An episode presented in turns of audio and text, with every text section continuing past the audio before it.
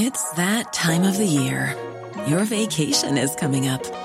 You can already hear the beach waves, feel the warm breeze, relax, and think about work. You really, really want it all to work out while you're away. Monday.com gives you and the team that peace of mind. When all work is on one platform and everyone's in sync, things just flow wherever you are.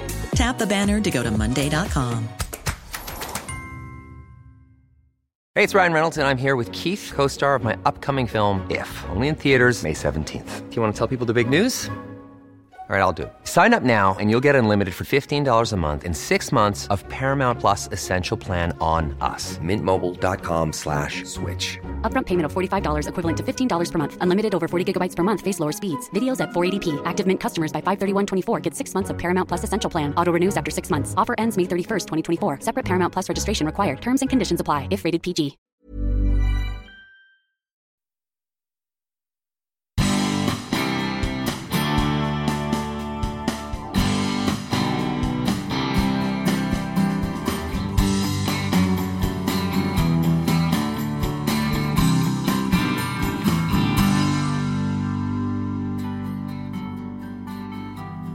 Du som lyssnar på det här avsnittet i mitten av februari 2024 och som troget följer spännande möten undrar förstås vad som händer.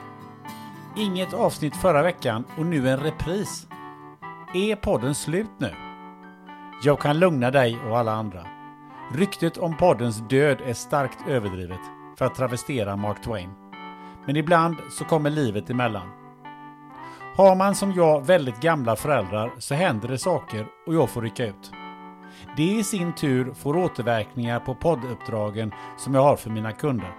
Eftersom Spännande möten än så länge, trots allt, bara är ett hobbyuppdrag så förstår du säkert prioriteringen. Men nog snackat om detta. Nu blickar vi framåt, till att börja med i form av en repris. Men en väldigt aktuell sådan. Marcus Torgeby var en av mina första poddgäster och han kom hem till mig strax efter jul 2018 för att göra den här intervjun. Sen dess har det ju hänt en hel del. Marcus har ju bland annat blivit uppmärksammad i SVTs Husdrömmar dokumentär i avsnittet Att bära ett hus. I ordinarie form så är avsnittet indelat i två delar, men här kommer Marcus Torgeby i full längd utan avbrott. Varsågod!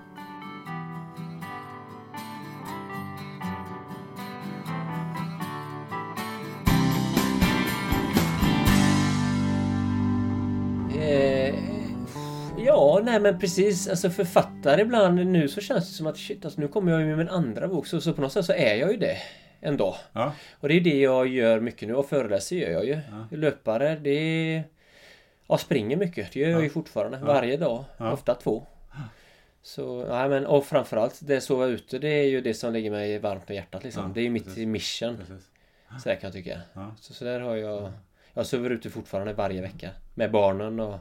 Ja. Och nu, när, ja, inte nu, nu för nu är jag ju på Öckerö i natt Ja. Men annars så Varje gång jag är iväg och jobbar så är jag ju med mig sovsäck och liggunderlag Och en tarp Så att jag kan spänna upp någonstans Frida Södermark som ju har varit med i den här podden också, eh, som du säkert känner. Mm. eh, Hon sa ju det eh, att man kan inte kalla sig författare för man har gjort två böcker. Nej, men så det är på gång här nu då ja, det är bra. Vi ska komma in på det.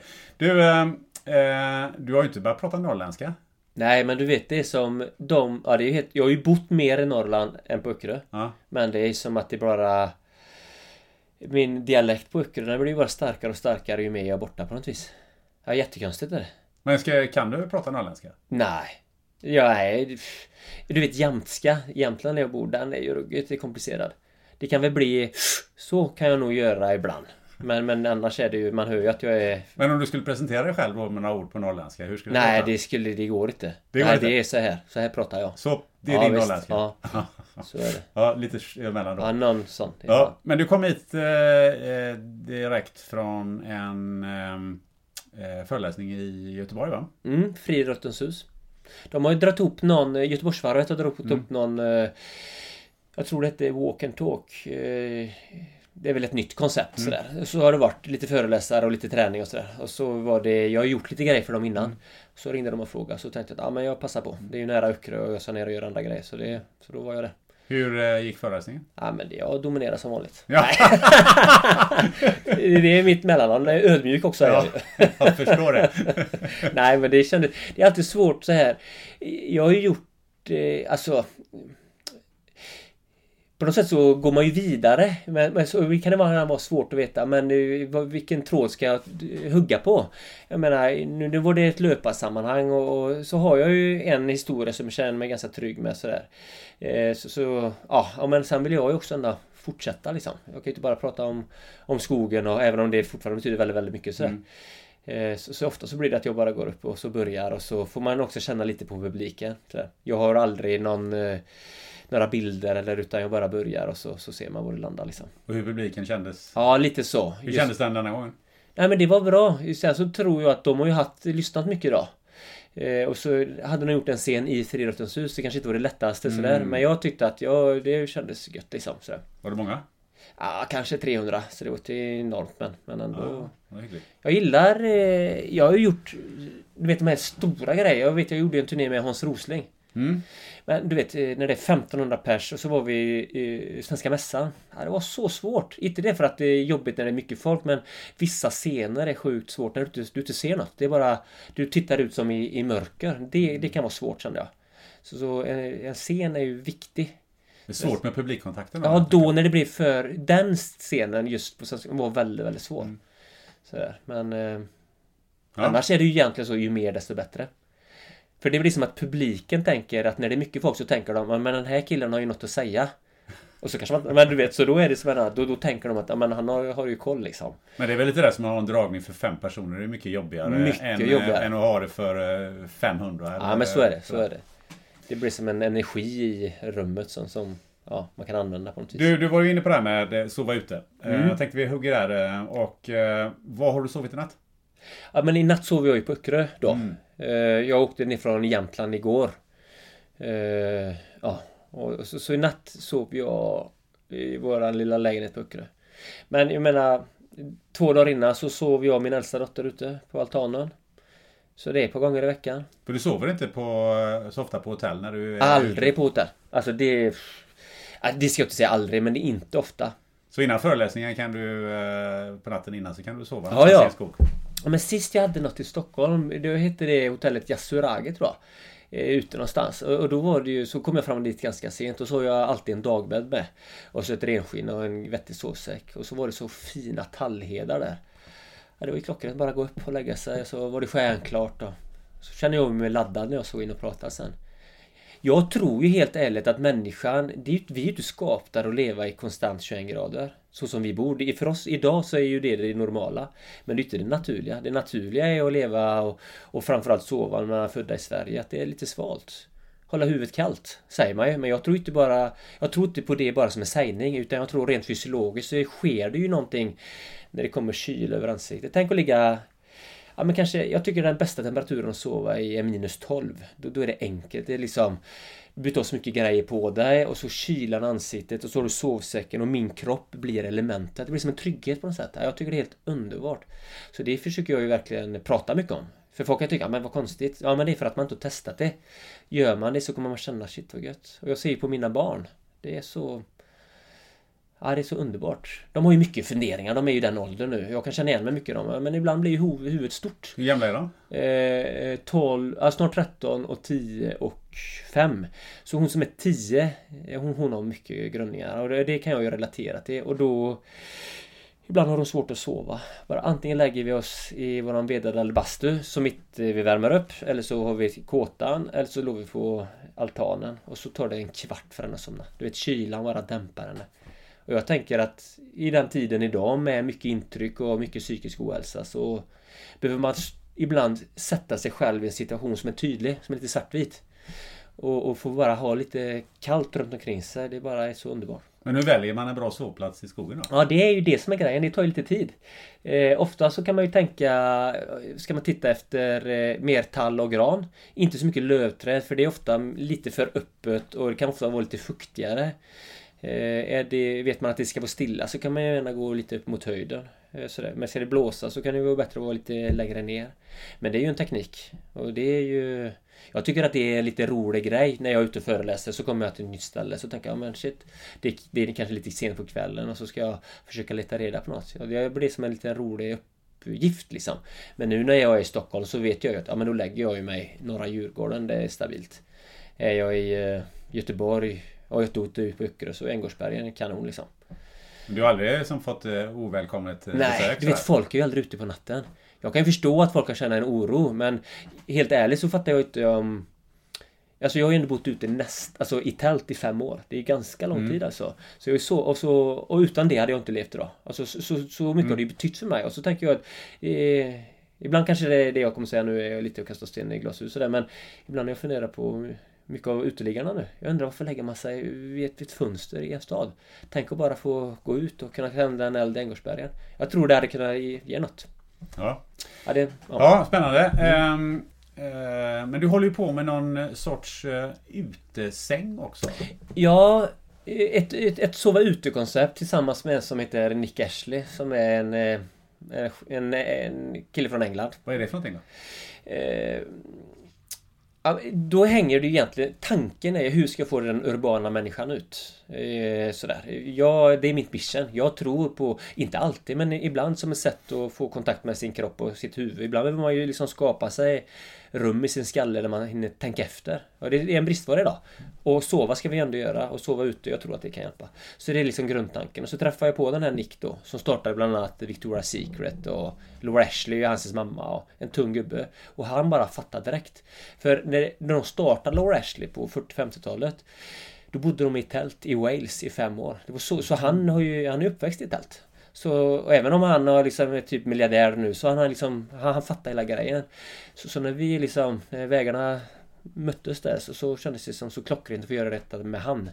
För han är ju ett, ett namn i en värld där folk inte har en aning vem jag är. Och jag har ju min historia, så just en kombo känns som att det kan bli bra. Ja, det låter ju väldigt spännande. Ja, så nu är det sovsäckar, liggunderlag som en liten dagbädd. Och så är materialen lite tyngre än det du ser i en traditionell friluftsbutik. Idag är ju allting less is more, det ska vara så lätt och så här. Nej, jag tror inte på det. Jag vill att det ska vara lite tyngre för det... Då gör ju saker och ting lite långsammare. Och jag tror att det är det vi behöver. Och det här är inte för extrema grejer. Du kan använda det också, men det kan också bara vara... Jag vill att det ska... Min ambition är att jag vill att folk ska ha detta i sin bil. Så när man är ute och reser så bara... När man stannar någonstans och bara går ut och lägger. Men stubben du hade med dig till Ja, flyget, var, det var ju så klockrent. Det var det som gjorde att han blev hookad. Berätta vad det var. Nej men... Eh, ja men det hänger ihop med den första tiden när ja. jag bodde i Kåtan att Jag var ju så jävla rastlös. Och så tänkte jag men nu kan jag inte så bra med den här skiten. Det var jobbigt att vara rastlös. Och då tänkte jag att jag kan ju inte släcka eld med bensin. Om jag ska bli av med rastlösheten så kan jag ju inte göra grejer. Det var liksom så jag hade i huvudet. Så då tänkte jag, men jag får ju sätta mig still här då. Så då var det avverkat några kilometer från mig på ett ställe. Så det fanns ju massa stubbar där. Så det gick jag och bara satte mig där på en stubbe. Alltså flera timmar varje dag i flera månader.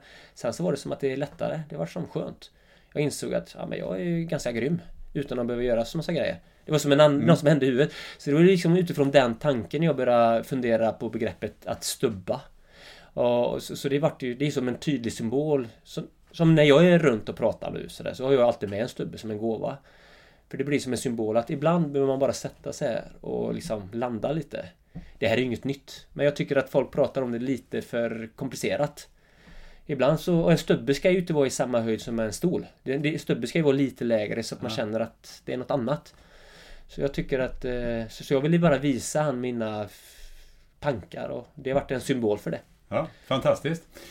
Jag tänkte så här att vi, för att vi ska då förstå det här med det som du redan varit inne på, att eh, bo i skogen och, och eh, bo, sova ute och stubba som du säger. Så tänkte jag att vi går lite grann bakåt och, och, och pratar lite om, om din uppväxt. Eh, eh, sen så kommer vi ju inte prata jättemycket just nej, löpning. Nej, nej, det, eh, det finns ju många ja, andra ja. som är duktiga ja. på att prata mm. löpning. Och jag, så att, eh, tänkte vi ger oss in lite grann i det här med, med livsfilosofin Mm. eh, och ha det som en, en liten röd tråd med oss då. Men om vi börjar så att säga, de första tio åren, om du bara ger liksom en här kort beskrivning. Var, var bodde du, var är du uppväxt och, och hur var Ja men jag hade, åren? mina första tio år var ju helt fantastiska. Öckerö liksom. Jag bodde med morsan och farsan och mormor och morfar bodde granne och kusinerna bodde i, i husen nära. På, så våran gata, det var ju...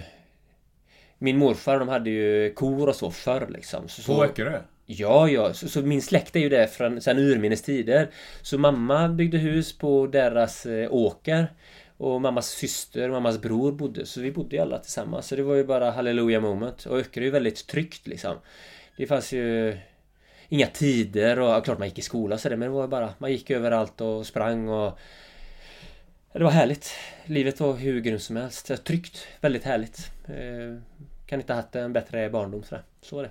Ja, det låter ju fantastiskt. Ja, det var helt fantastiskt. Öckerö är liksom fantastiskt eh, så. Det, är, det, det finns ju en begränsning när man bor på en ö.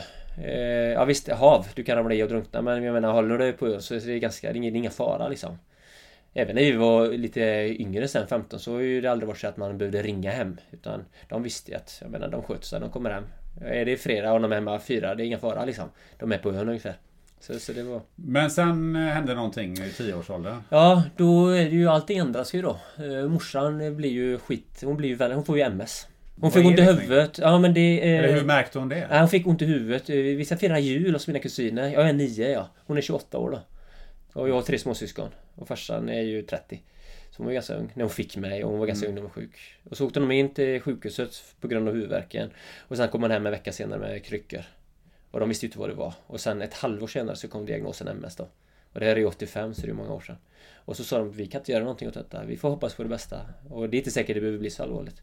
Men vi såg ju ganska fort att det här kommer gå åt skogen liksom. Alltså hon vart ju jättesjuk liksom. Det var ju kryckor direkt och blåste det ute så kunde hon inte gå ut och de bara ramla och gick och stappla efter väggarna och ropade till mig Marcus du får hjälpa mig med benen. Hon skulle be aftonbönen hos mig och mina syskon på kvällarna. Och jag bara, men vad håller de på med? Varför kan hon inte gå? Är hon för klenis? Så tänkte jag, det är ju helt sjukt.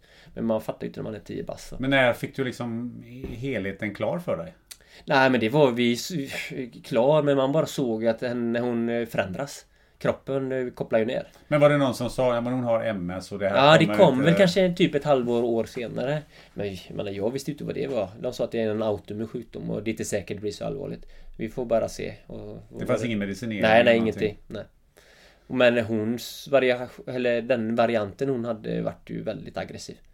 Så det var ju rullstolen direkt. Ett år, ett år senare. Men visst, hade du någon känsla för vad, det är som väntar dig? Nej. Du vet man, eh, allting blir ju normaliserat. Morsan var ju grym ändå liksom sådär. Men eh, det är klart, hon var ju så ledsen så mycket. Du vet att ha en mamma som kanske gråter flera timmar varje dag. Varje gång hon är hem så låg hon på soffan och var ledsen liksom. Hon, hon kände väl själv liksom, shit vem ska ta hand om barnen? Jag verkar som, hon kände väl att hon höll på att tappa det. Och just, hon var väl stressad mycket tror jag. Eh, och det, det är ju först i backspegeln jag mer kan se. När man är mitt i det och du är ganska ung så, där, så, så ser man ju inte saker och ting. Utan man bara, "Ja, ja, mamma är trött och ligger på soffan liksom. Det var inte så mycket annat jag grunnade på. Och någon hemtjänst och så? Nej, nej, inte? ingenting. Vi vill ju klara detta själv och farsan är ju...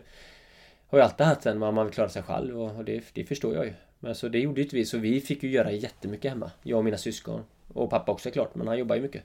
Så ni fick lö- Ja, lösa vi den här dagliga... Ja, ja, absolut. Och det har ju alltid varit en sån grej. Jag kan se nu när jag är 42 att eh, vardagslivsgrejen, det är en utmaning för mig. Jag gillar, eller jag är bättre när det blir lite mer extremt eller det tänder till. Men för mamma var ju liksom bas... Liksom, livet var ju viktigt. Gå på toa, tvätta sig, borsta tänderna på henne och borsta håret och... jag var, åh, jag tyckte det var så tråkigt. Jag var ju mer bra på att bära morsan på ryggen och gå och bada. Men på något sätt så att göra det några gånger per år, det är liksom det här att bara mata henne är ju viktigare menar jag. Men jag tyckte det var lite trögt. Liksom, så. Och din pappa var borta hela dagarna? Ja, han jobbar ju. Han hade eget eh, företag i Gamlestan. Han jobbar med kontorsmaskiner. Han var jätteduktig liksom. Så, så han, det gick ju bra sådär. Så hemma har vi ju alltid haft det bra ekonomiskt och sådär. Men hur, hur påverkade det dig? Jag tänker på skolgången Nej men jag, jag, jag vet ju aldrig. Ibland, skolan har ju varit väldigt komplicerad. Jag kan ju lite nu se när jag själv var barn att eh, min äldsta och min yngsta är som min hustru. Det är så lätt liksom. Det är som bara total... Det är som ett öppet spjäll i skallen liksom. De bara suger in allt. Medan den mellersta, hon har allt i kroppen, så jag. Ibland så kan jag känna, det var som ett... Eh, vad ska man säga? Det är som ett timglas. Jag med mitt huvud var i ena bubblan och timglaset och på andra bubblan så var kunskapen och så var det en smal gång emellan. Och det var som att det gick så himla långsamt. Det var en fantastisk beskrivning. Ja, jag vet. Ja, men lite så kan jag tänka. Det bara, det, det funkar inte. Eller ibland, ja men om en annan beskrivning kan vara man går över en äng och så är det högt gräs. Normalt när du vänder dig om så ser du var du har gått. Men så var det inte för mig. Alltså när det gäller kunskap. Alltså det är bara, det funkar liksom inte.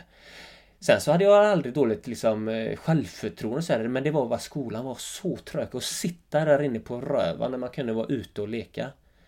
Du vet, så, så det var jobbigt liksom. Så jag sökte mig hela tiden till det fysiska. Jag, det har varit min gåva liksom. Jag har varit... Eh, jag har så fantastiskt lätt för det. Allting som har med kroppen och hjärtat att göra.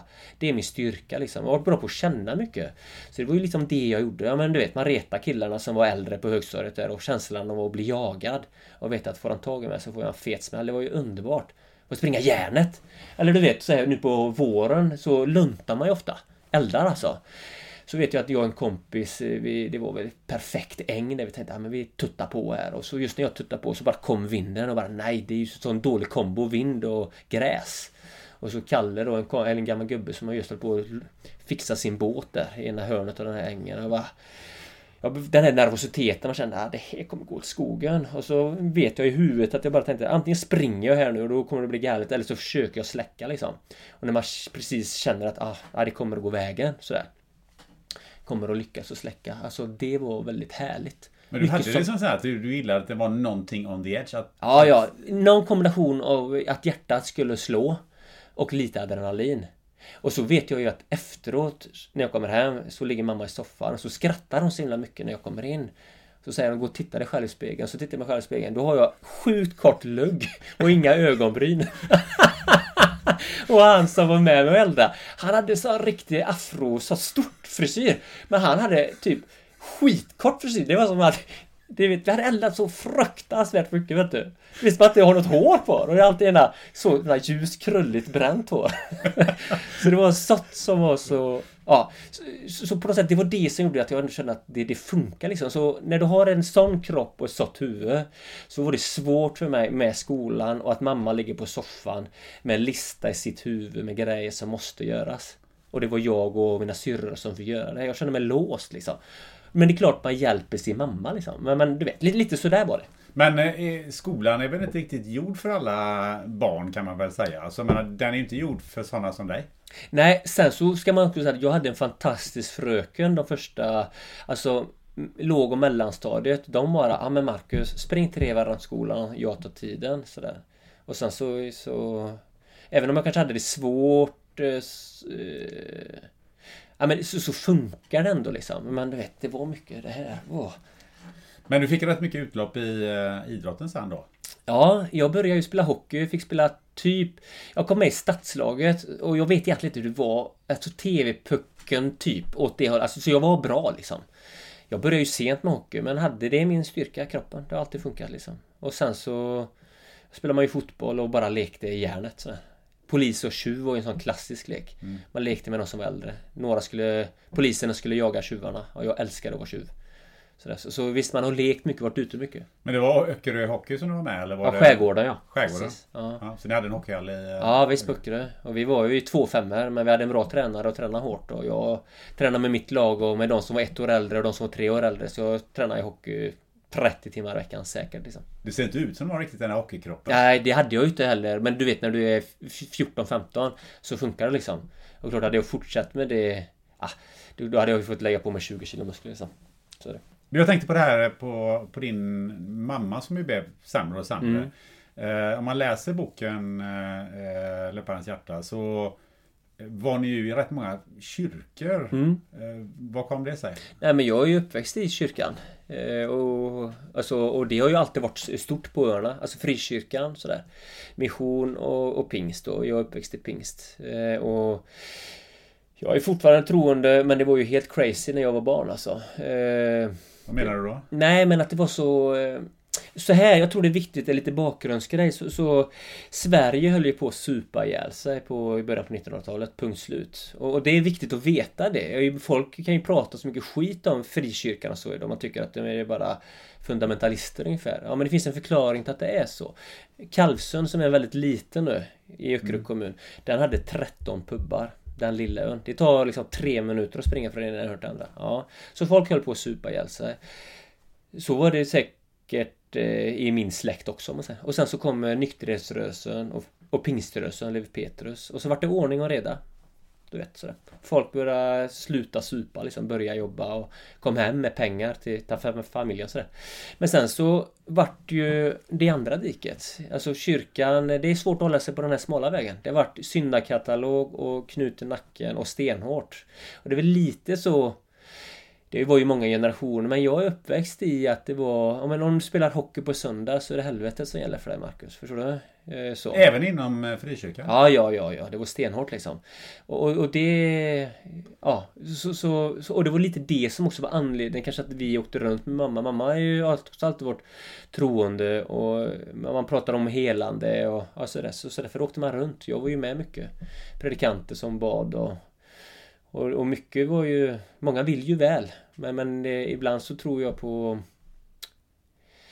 Jag menar vi var på något alldeles innan hon dog där så två veckor innan så var vi på ett ställe mamma ville åka och jag åkte väl med. För jag jobbade den dagen och sen så är det någon predikant från Sydafrika som säger bara du måste bara tro mer. Och då ska du veta att så sjuk som min mamma var att hon fortfarande levde det hängde ihop med att hon trodde liksom. Och sen så bara säger han du måste bara ställa dig upp. Jag bara, nej men hon har ju inte gått på 20 år liksom. Ja, nej, du tror inte tillräckligt. Så gick han vidare. Alltså så som det är de dåliga upplevelserna. Och, och, det har funnits mycket i frikyrkan. Det ska vara liksom explosivt och tron handlar mycket om att... Eh, eh, ska man säga... Vad, vad du gör och alltså, så, sådär på något vis. Eh, och det är det negativa med det. Men fanns inte de här schartuanerna också? Ja, det är mer norrut. Aha. Ändå mer norrut. Men det är ju åt lite samma håll. Det är ju lite mer sådär ska man säga, högkyrkligt. Alltså det är lite ändå mer strikt tror jag. Men, men det är väl lite kanske ändå åt det hållet sådär. Det är väl det jag kan relatera till själv. För jag, mm. det var ju det jag upplevde när jag ja. skulle konfirmeras. Så hade man den typen precis. av präster i Kungälv ja, också. Ja visst. Och så precis. Ja. Svarta Då var det också liksom. helvetet om man, ja, men precis. om man idrottade. Ja visst. Men sen så, nu blir det ju hopp här. Men, men för mig så, så, så med distans till detta så såg jag, så kunde jag ju se varför människor gjorde som de gjorde liksom. Men jag kunde också se att de som är de mäktiga mm, liksom folket i kyrkan det är ju de som vi kallar bönemänniskor. De gör inte så mycket väsen av sig. Men det, det, de är viktiga liksom i hela samhället. De som bara jobbar i det tysta, som är goda människor liksom. Det var ju det jag såg sen när jag liksom kom och då den här eh, prästen är framme, eller pastorn, han vill ju stå på en scen och det kan lätt bli osunt liksom man gillar uppmärksamheten. Det finns många bra pastorer men det finns också många dåliga. Så, så när jag bodde i skogen där så fick jag se något annat. Att tro hänger också ihop med att liksom tvivla på något sätt sådär. Och det är mycket jag inte vet men jag väljer att tro för jag, jag, tänker att det känns gött liksom. Och då kan man tycka, men vad är det för konstig inställning? Men vadå, det är ju skönt att känna att jag tror att det finns någonting större. Jag förstår du? Plus också att jag kan känna att när man är mycket i naturen så blir det lätt att tankarna går åt att det finns någonting som är större än vad jag är. Jag har aldrig träffat någon som har en kontakt med naturen som inte pratar om att livet är större än det man kan se. Och så, så på något sätt så, så, väljer jag att hänga fast vid den idén och det känns skönt liksom. Men man behöver inte gå till kyrkan då? Nej, och även om det skulle visa sig att det här bara är fejk så är det ändå inte bortkastat. Jag har ett lite dåligt liv. Men många brukar ju dra upp det, ja men du vet det är korsfarare och fundamentalister, ja ja de finns men jag skiter i dem, det är inte det det handlar om. Läser man så ska man ju se liksom, man får ju se bort ifrån det. Men det är ofta att man blir dragen över en kam liksom. Och många i Sverige idag har ju inte... Man har ju... Man fattar ju inte... Vi har mycket att tacka för det också liksom. Sen har det ju varit eh, liksom människor som gjort körkade grejer. Men, men ibland så kan jag ju ändå fundera så. Så att det finns mycket gött liksom. Vi var inne på det här med, med eh, hockey, men det som tog verkligen tag i det, det var ju löpningen. Ja, ja men det var ju så. Jag, jag sprang ju en liten tävling när jag var 12 år. 10 km på 38 minuter. Ju, ja men det är ju typ ganska bra liksom. Och jag hade aldrig sprungit då. Men på något sätt så kände jag att ah, det var något jag gillade där i. Alltså i det här att det bara var jag. Hockeyn var ju en lagidrott. Jag gick aldrig igång egentligen. Så sen började jag ju springa när jag var 16 liksom. Och då var det väl som att jag mindes den här gången när jag var 12. Att shit, det är nog det jag ska göra. Och sen bara sögs jag in i den här världen, bara älskade. Du hade någon tränare där? Ja, han var hård. Han gjorde det han hur, trodde hur, hur eh, hamnade du i den här eh, riktiga träningen så att säga? Nej men jag slutade ju nian och sen så åkte jag med en kille från grannön som jag, jag kände egentligen inte men jag visste att han sprang med klubbestånd. Så jag åkte med han och så körde jag ett pass med han och sen så säger han att du ska ha en tränare. Så han presenterade mig för en tränare i Högryte. Som jag kände bara var klockren liksom. Kände att han var tydlig. Och jag behövde det då för det var oroligt i mitt liv. Så, så det var liksom så jag kom in i den världen. Jag, eh, så jag började träna för han och det var ju klockrent tyckte jag i början. Eh, jag hade ju jättehöga ambitioner på mig själv. Eh, jag var ju fyra på mitt första SF efter tre veckors träning. Och jag var liksom lite besviken att jag inte vann. Så det var ju de tankarna jag gick och bar på. Att jag tänkte stort om mig själv liksom. Och jag hade ju säkert... Jag hade fysiken och huvudet men men hur kom det sig att du tänkte så stort? Nej där? men för att jag kände att jag hade det liksom. Och jag tror också att det hör ungdomen till.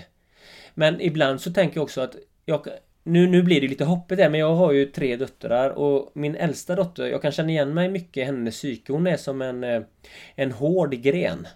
Du vet, du kan pressa henne ganska hårt men hon kan knäckas också och då är det svårt att laga det.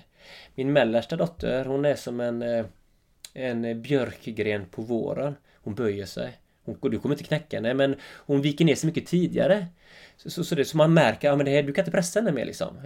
Och lite för mig så var det, jag är den här hårda grenen. Och, och jag hade höga ambitioner men min tränare hade ändå högre. Och sen sen allting bara en lång historia men allting skiter sig till slut. Jag vet inte om vi ska komma dit liksom. Eller, men det vart ju att eh, han satte sådana höga krav på mig och när jag inte höll måttet så bara tappade han ju det fullständigt. Och, det var som att jag bara gick sönder i huvudet på något sätt. Men vem var han tränare för? Var han tränare för sig själv? För sina ja, egna framgångar? Precis. Eller? ja, det tror jag. Plus också att jag tänkte att eh, eh, Han tänkte att han gjorde det som var rätt. Så jag kände bara att ja, ja, det funkar inte för mig. Eh, jag eh, nu efteråt har jag också förstått lite varför det blev som det blev. Han har ju också haft mycket grejer att brottas för. Men det är ju också, det är klart det är lurigt att vara ungdomstränare. Det kan ju fortfarande vara så i friidrottsklubbar. Du lever lite på dina adepters SM-poäng liksom. Alltså det blir som en, en, spegling i om du är duktig eller inte. Och det är klart det är lätt att, att trycka på mycket då. Det är klart det kan bli destruktivt. För det, det funderar jag på lite grann. Eh, alltså när man läser de träningarna som, som du gjorde.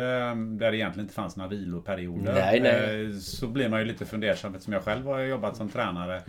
Och vet att det är lika viktigt att vila som att ja, nej, det har ju aldrig funnits. Så jag, så jag förstår hur, hur för det var det inte så omodern träning ändå? Hur, Nej, vi körde... Ja, det jag tror när jag ser efter så, så var det ju... Vi sprang ju typ med laktat varje dag. Vad är laktat? Alltså mjölksyra. Eh, det hade vi något inslag varje dag och jag sprang ju distans och styrka varje morgon så det var ju två pass om dagen och det gick ju så fort bara över sommaren när jag började skolan sen, gymnasiet. Så, så tränade jag ju ja, mellan 12 och 13, 14 pass i veckan liksom.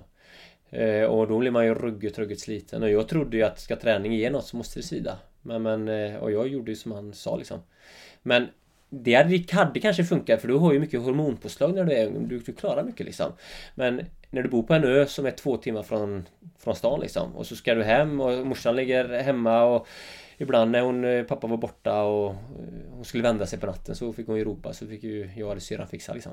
Men eh, med, med lite backspegel då, hade du haft en annan tränare? Tror du att du hade nått de här framgångarna som du drömde om? Ja, det hade blivit, jag hade sprungit mot det mycket fortare än jag gjort. Absolut. Men jag kan ju se sen så... Nu blev det lite hoppigt här men jag sprang ju några sådana här landslagsstafetter efter skogen. Men, jag, men det var ju som att jag... Jag hade ju en helt annan ingång till det då. Jag tänker ibland, ja... Det är klart det hade blivit mycket bättre om jag hade eh, träffat på ett... Träffat rätt liksom. Men jag har ju inte, jag har ju inte lärt mig så mycket som jag ändå har gjort nu så på något sätt så vill jag inte byta. Men jag menar det är ju bara att träna så mycket och käka start och dricka sockerdricka på kvällen. Bara det och ingen... Jag tänkte inte på det och mina föräldrar hade fokus på morsan. Så det är mycket som jag har gjort fel liksom. Det här med vila har ju liksom aldrig funnits och tränar man mycket så måste man ju det. It's that time of the year. Your vacation is coming up. You can already hear the beach waves, feel the warm breeze, relax and think about work. You really, really want it all to work out while you're away. Monday.com gives you and the team that peace of mind. When all work is on one platform and everyone's in sync, things just flow wherever you are. Tap the banner to go to Monday.com.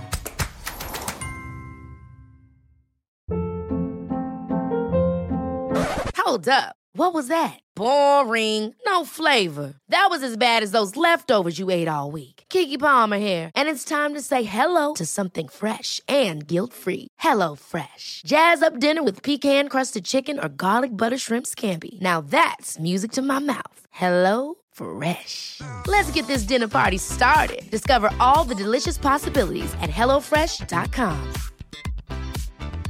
Hi, I'm Daniel, founder of Pretty Litter. Did you know cats tend to hide symptoms of sickness and pain? I learned this the hard way after losing my cat, Gingy. So I created Pretty Litter, a health monitoring litter that helps detect early signs of illness by changing colors, saving you money and potentially your cat's life. Pretty Litter is veterinarian developed, and it's the easiest way to keep tabs on your fur baby's health right at home. Go to prettylitter.com and use code ACAST for 20% off your first order and a free cat toy. Terms and conditions apply. See site for details.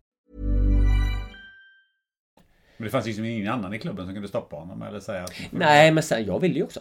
Jag menar, det var ju inte det att jag eldade på också. Så, så, så det är ju inte bara sådär. Men jag menar... Var kom den eldningen ifrån? Nej, jag vet inte. Det har bara alltid funnits. Och det är liksom det är lite det som är det fina i mig, men också det som är jobbigt. Alltså jag gillar ju bara att ta i järnet liksom. Och ibland så... Jag menar, ens goda sidor är ju precis samma som ens dåliga. Det är bara att eh, de dåliga är 5% för mycket. Så, så hade jag bara backat 5% och, och, och det här är ju min utmaning liksom. Jag bara, det är bara, det ska svidas och det ska vara på marginalerna helst bara precis överlevnad.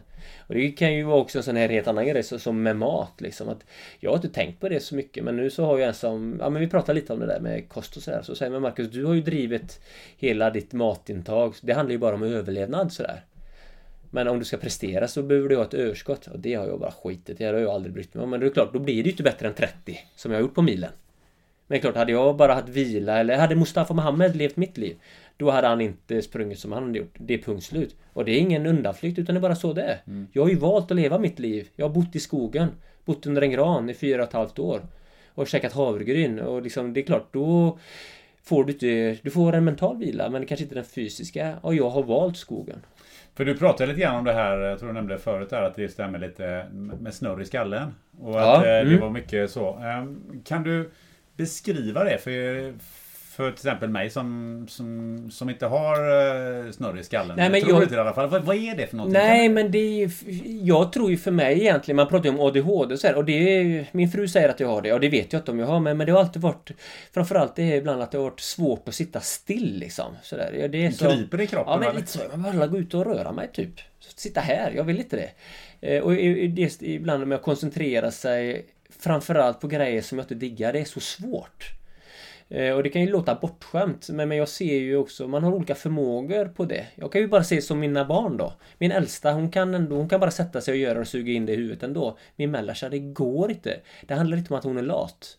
Är du med?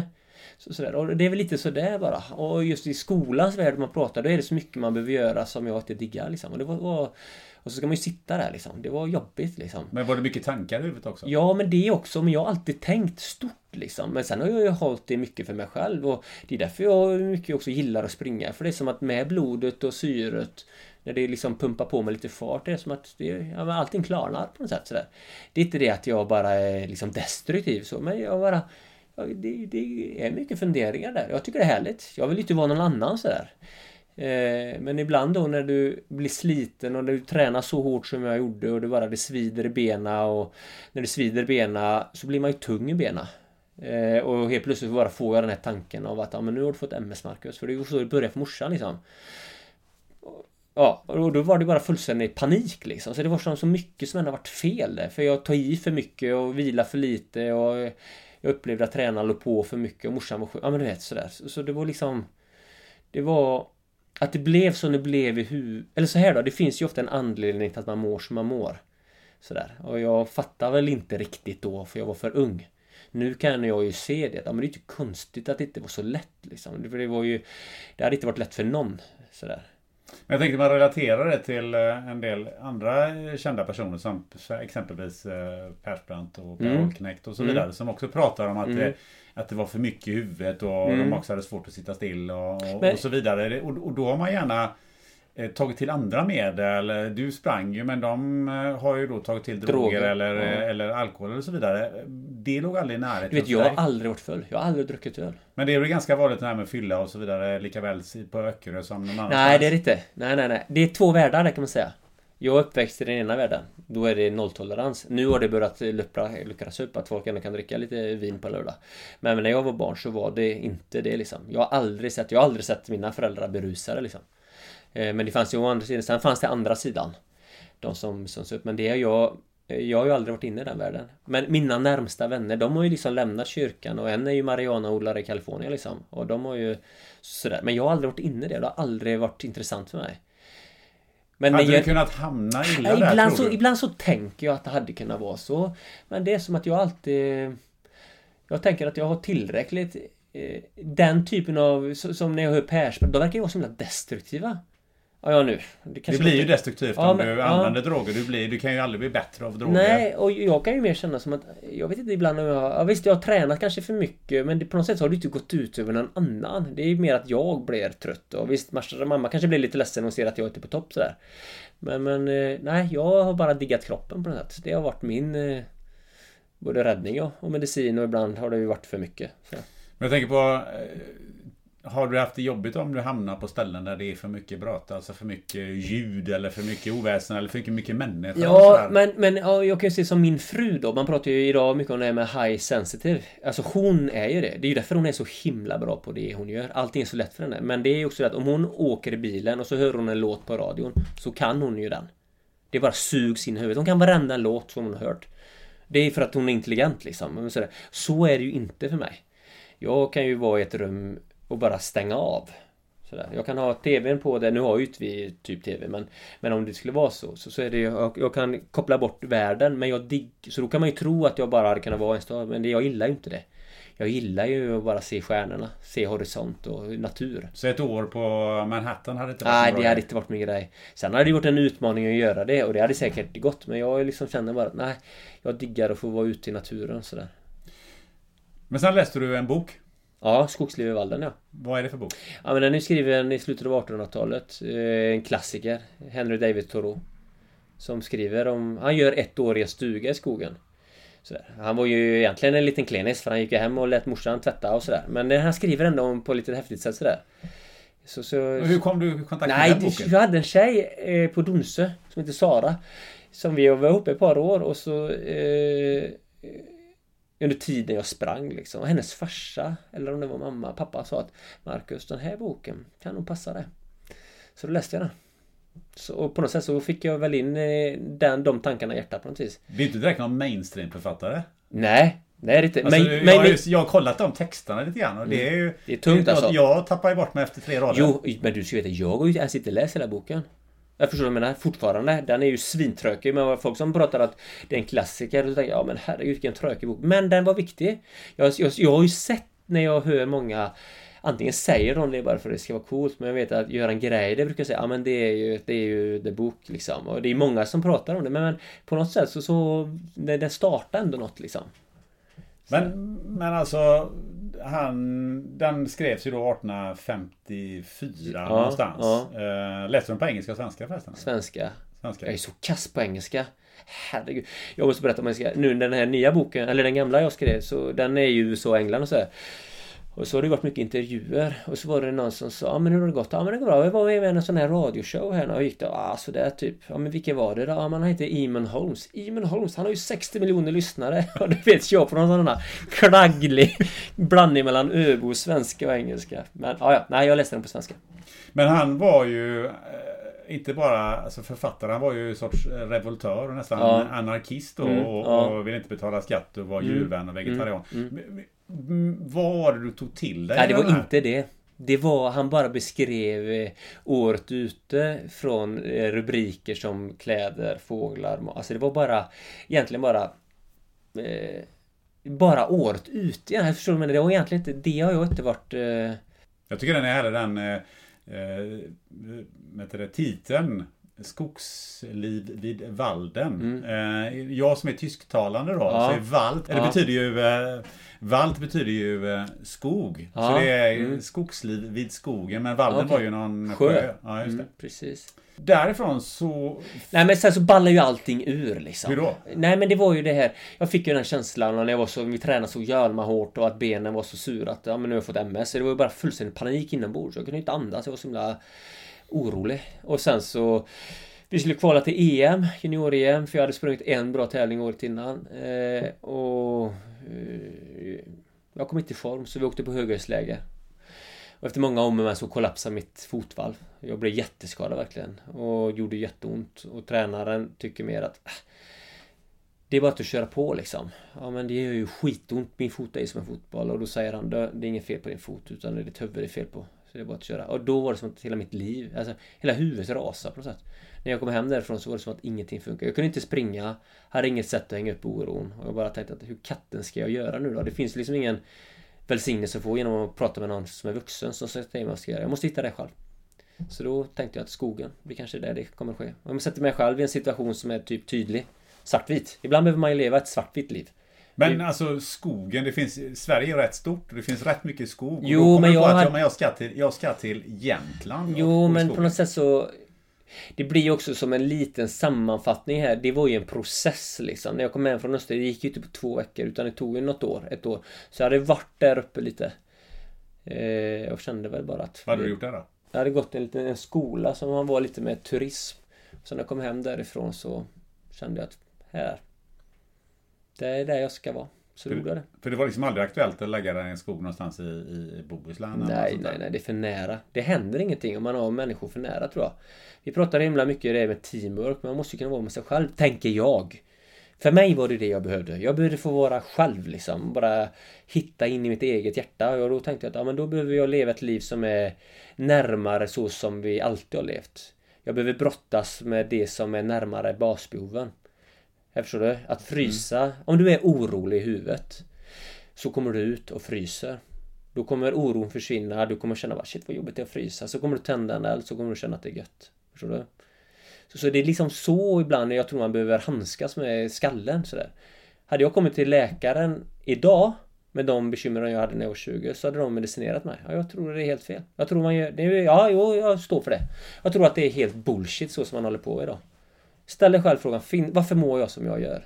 Och till 80% så är det för lite vila, för mycket intryck eller för kass mat eller sådär. Så ibland behöver man bara hitta tillbaka. Men hur eh, skulle omvärlden reagera? För du har vid något tillfälle sagt så här att eh, eh, om du hade levt samma liv på Öckerö så hade folk blivit sårade. Jo, för att då är det ju Det är svårt Jag tänkte bara om jag lever ett liv där ingen ser mig på något sätt sådär Jag var ju själv Så, så, så kanske de inte Ja, då behöver de inte själva gå och grunna så mycket. Eller sådär. Och, och pucker, det är svårt att leva ett enkelt liv i en miljö där du, du alla har lampor och du vet, och så har det ens inget toalett. Alltså det blir svårt. Men just liksom. att de skulle bli sårade av? Alltså, ja. Hur menar du? Att, att du menar att de själva hade latenta problem också eller? Vad? Ja, lite så faktiskt tror jag. Jag säger inte att jag liksom har bara har svart bälte i att vara grym, men jag vet ju att folk funderar. Men jag hade ju kommit till en blivit pushad så till en gräns. Jag var tvungen till att liksom bara ta den här... Eh, vad ska man säga? Men hade man blivit avundsjuk lite grann? Ja, men han klarar av att sticka ut i skogen. Eh, fast eh, det, det, skulle jag också göra fast jag, jag, jag vågar inte eller jag orkar ja. inte. Det är faktiskt en sjukt intressant fråga. Jag har ju faktiskt skrivit det. Och vad är det jag menar egentligen? Ja, det är svårt. Nej, lite så är det nog ändå det att eh. Jag kan ju se ibland att folk längtar bort. Är du med? Men eh, så här då. När, eh, om man ska göra någonting innan man har bestämt sig så får du ofta mycket råd. För folk är kanske rädda om dig och liksom sådär. Men när du väl har bestämt dig så är det som att då ser de att ah, det är ingen idé att köta mer. Han har redan bestämt sig. Och, och lite så kan jag säga att det är många på överallt. Man, är, man lever och funderar men man har inte tillräckligt eh, hålrum i sitt huvud så man hinner tänka efter liksom. Förstår du? Mm. Och så kan jag ändå se att ja, men folk är ju... Vi har ju alla möjligheter att vara jättenöjd i Sverige. Men det är ju sjukt många som inte är det. Och då tänker jag, men varför inte? Varför bara fortsätter man liksom? Och det var lite det jag kunde ibland känna så att hade folk tänkt efter lite mer så tror jag att man har ändå reflekterat, ja men vad är det som är viktigt i mitt liv då? Är det bara det klassiska, köpa större bil och mer hus och mer grejer bara? Det är bara att omge sig med skit liksom. Eh, så, så jag tror att det kanske var lite det som var men är det lite samma sak som att eh, man bestämmer sig för att göra något annat? Eh, alltså något annat i sitt liv eller, eh, eller en, att bara byta jobb eller så vidare. Det finns ju alltid folk som säger det kommer aldrig gå. Ja, så är det ju. Ja, men är lite samma sak det där. Ja, men lite så kanske. Sen vet jag ju inte... Uh... Ja, nej men, men så kan det nog vara. Sen så var det så att jag ser ju inte som att... Uh... För mig var ju lösningen skogen. Jag behövde det. Min fru skulle aldrig behöva det. Liksom sådär. Sen kan jag säga att många skulle behöva, jag tror att många hade mått bra av att få göra lite åt det hållet. Få leva lite mer kyla, lite mörker, lite ensamhet. Jag tror att de hade, om man lever ett långt liv, om du lever ett liv som är 90 år, så, så tror jag att bara investera några månader där du är helt själv. Jag, jag tror det är så nyttigt alltså. Att det var liksom fyra och ett halvt år för mig i, i i tältet och ytterligare ett par år i Fäbodvallen. Det var ju för att jag var sjuk på något sätt. Eller trött i huvudet. Jag behövde det. Plus att det var väldigt härligt. Jag saknar men, inget. Men det jag funderar på här nu. Din mamma var ju vralsjuk. Mm. Och så var ni tre syskon som tog hand om henne. Fyra totalt. Eller fyra ja. totalt. Mm. Eh, och, och, så drar du. Mm. Vad var reaktionen hos de andra? Du vet så här. Min mamma, hon såg ju att jag inte mådde bra. En, en förälders högsta önskan är ju att ens barn ska ha det bra. Hon fattar ju varför jag gjorde detta. Och då, då hade ju mamma varit sjuk i över tio år. Då hade vi också tagit hjälp. Då hade vi ju hemtjänst. Så mamma hade det bra liksom sådär. Så det var inte så, men och syskon och så? De var så här, här sticker du och vi nej, ska ta hand nej, nej. Lite så kanske med en av mina syrror, för hon var liksom hemma. Mina ena andra syrra, hon gifte sig väldigt tidigt. Hon var ju bara 17 tror jag. Så hon flyttade ju liksom och började leva sitt eget liv. Men Ida slet en del hemma sådär. Men jag kände bara, men antingen dör jag ju eller så får jag göra detta.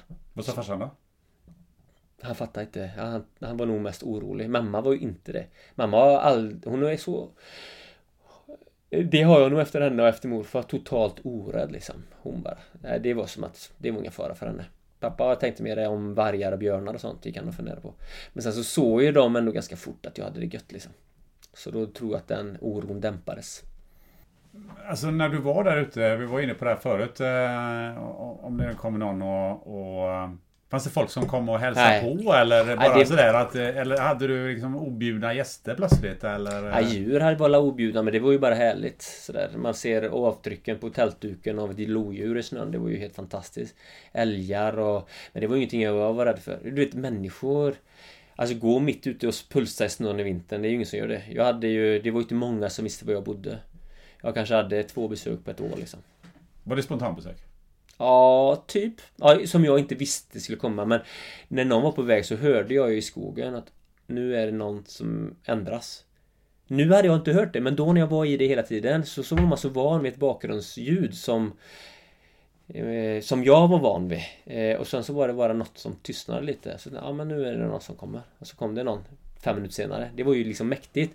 Men då, det, jag var ju van vid det ljudet som jag inte hade hört nu eftersom jag är van vid mer ljud. Men, men det var som att eh, efter ett tag där, nu det här vanliga livet som du och jag lever nu så är man ju tvungen till att sålla av intryck. Men när man lever i skogen som jag gjorde så behövde jag inte sålla. Jag kunde ta in allting till 100%. För det, inte var, det var inte så himla mycket intryck. Det var ju det var liksom en mäktig känsla på något sätt. Att man bara kunde öppna upp. Men det var liksom inte folk som kom och fick aldrig något problem med någon som förstörde? Nej, nej, nej, nej, nej, nej. Det är ju samma som nu. Vi bor ju fortfarande kvar i samma område. Vi har ens inga lås på våran dörr liksom. Vi har aldrig någonsin låst in. Är vi borta en månad så är ju dörren öppen liksom. Aldrig varit någon där inne. Så är det. För jag för mig att du hittade någon, din jacka där. Eh, ja, men det var ju precis, det var ju faktiskt en väldigt rolig grej. Eh, det var, jag hade en kompis som var uppe det gick lite fort när jag lämnade kåtan och så var, hade en kompis uppe och hälsade på nu, det är ju något år sedan. Så, så sa han, men det, kåtan, var, var låg den? Ja men den typ låg där. Så sprang han in, så kom han tillbaka några timmar senare. Så sa han, ja men jag hittade platsen. Och så hittade jag din jacka där.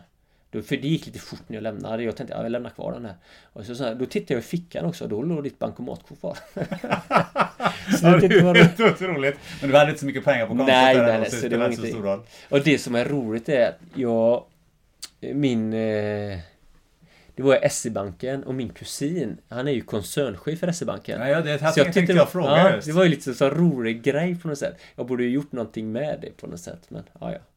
Men du har kvar bankomatkortet? Ja, ja det, allting hänger kvar i skogen. Jag bara, det ligger där och jackan är där ännu Den är fortfarande där? Ja, jag tänker att det kan vara ett fint tidsdokument Du, det här med mat, eh, den frågan har du säkert fått många gånger. Men eh, vad livnärde du dig på? Var du fiskar och jagar? Ja, men lite, nej, jag var inte självförsörjande på det sättet. Utan jag... jag hade, innan jag flyttade ut så hade jag några tusenlappar. Jag levde ju för 700-800 kronor i månaden under de åren. Så när jag hade... Så, så jag tog det som fanns runt omkring mig. Ja, visst, jag kunde fiska så ibland. Men, men det var mest havregryn och nötter och... Och det var daggkåpa och, och hjortron och, och lingon och hallon på, på våren. Så, så det var ganska magert kan jag säga. Sådär. Men finns det några sådana här eh, grejer som man kan äta som ingen tror att man kan äta? Som du kom på? Eller visste om innan? Nej, sen så äta, jag, jag savade mycket på våren och kände att det gjorde mig gött liksom. Så Savade? björk- Ja, tar eh, blodet från björken liksom. Så. Det är många, många, många liter. Så där.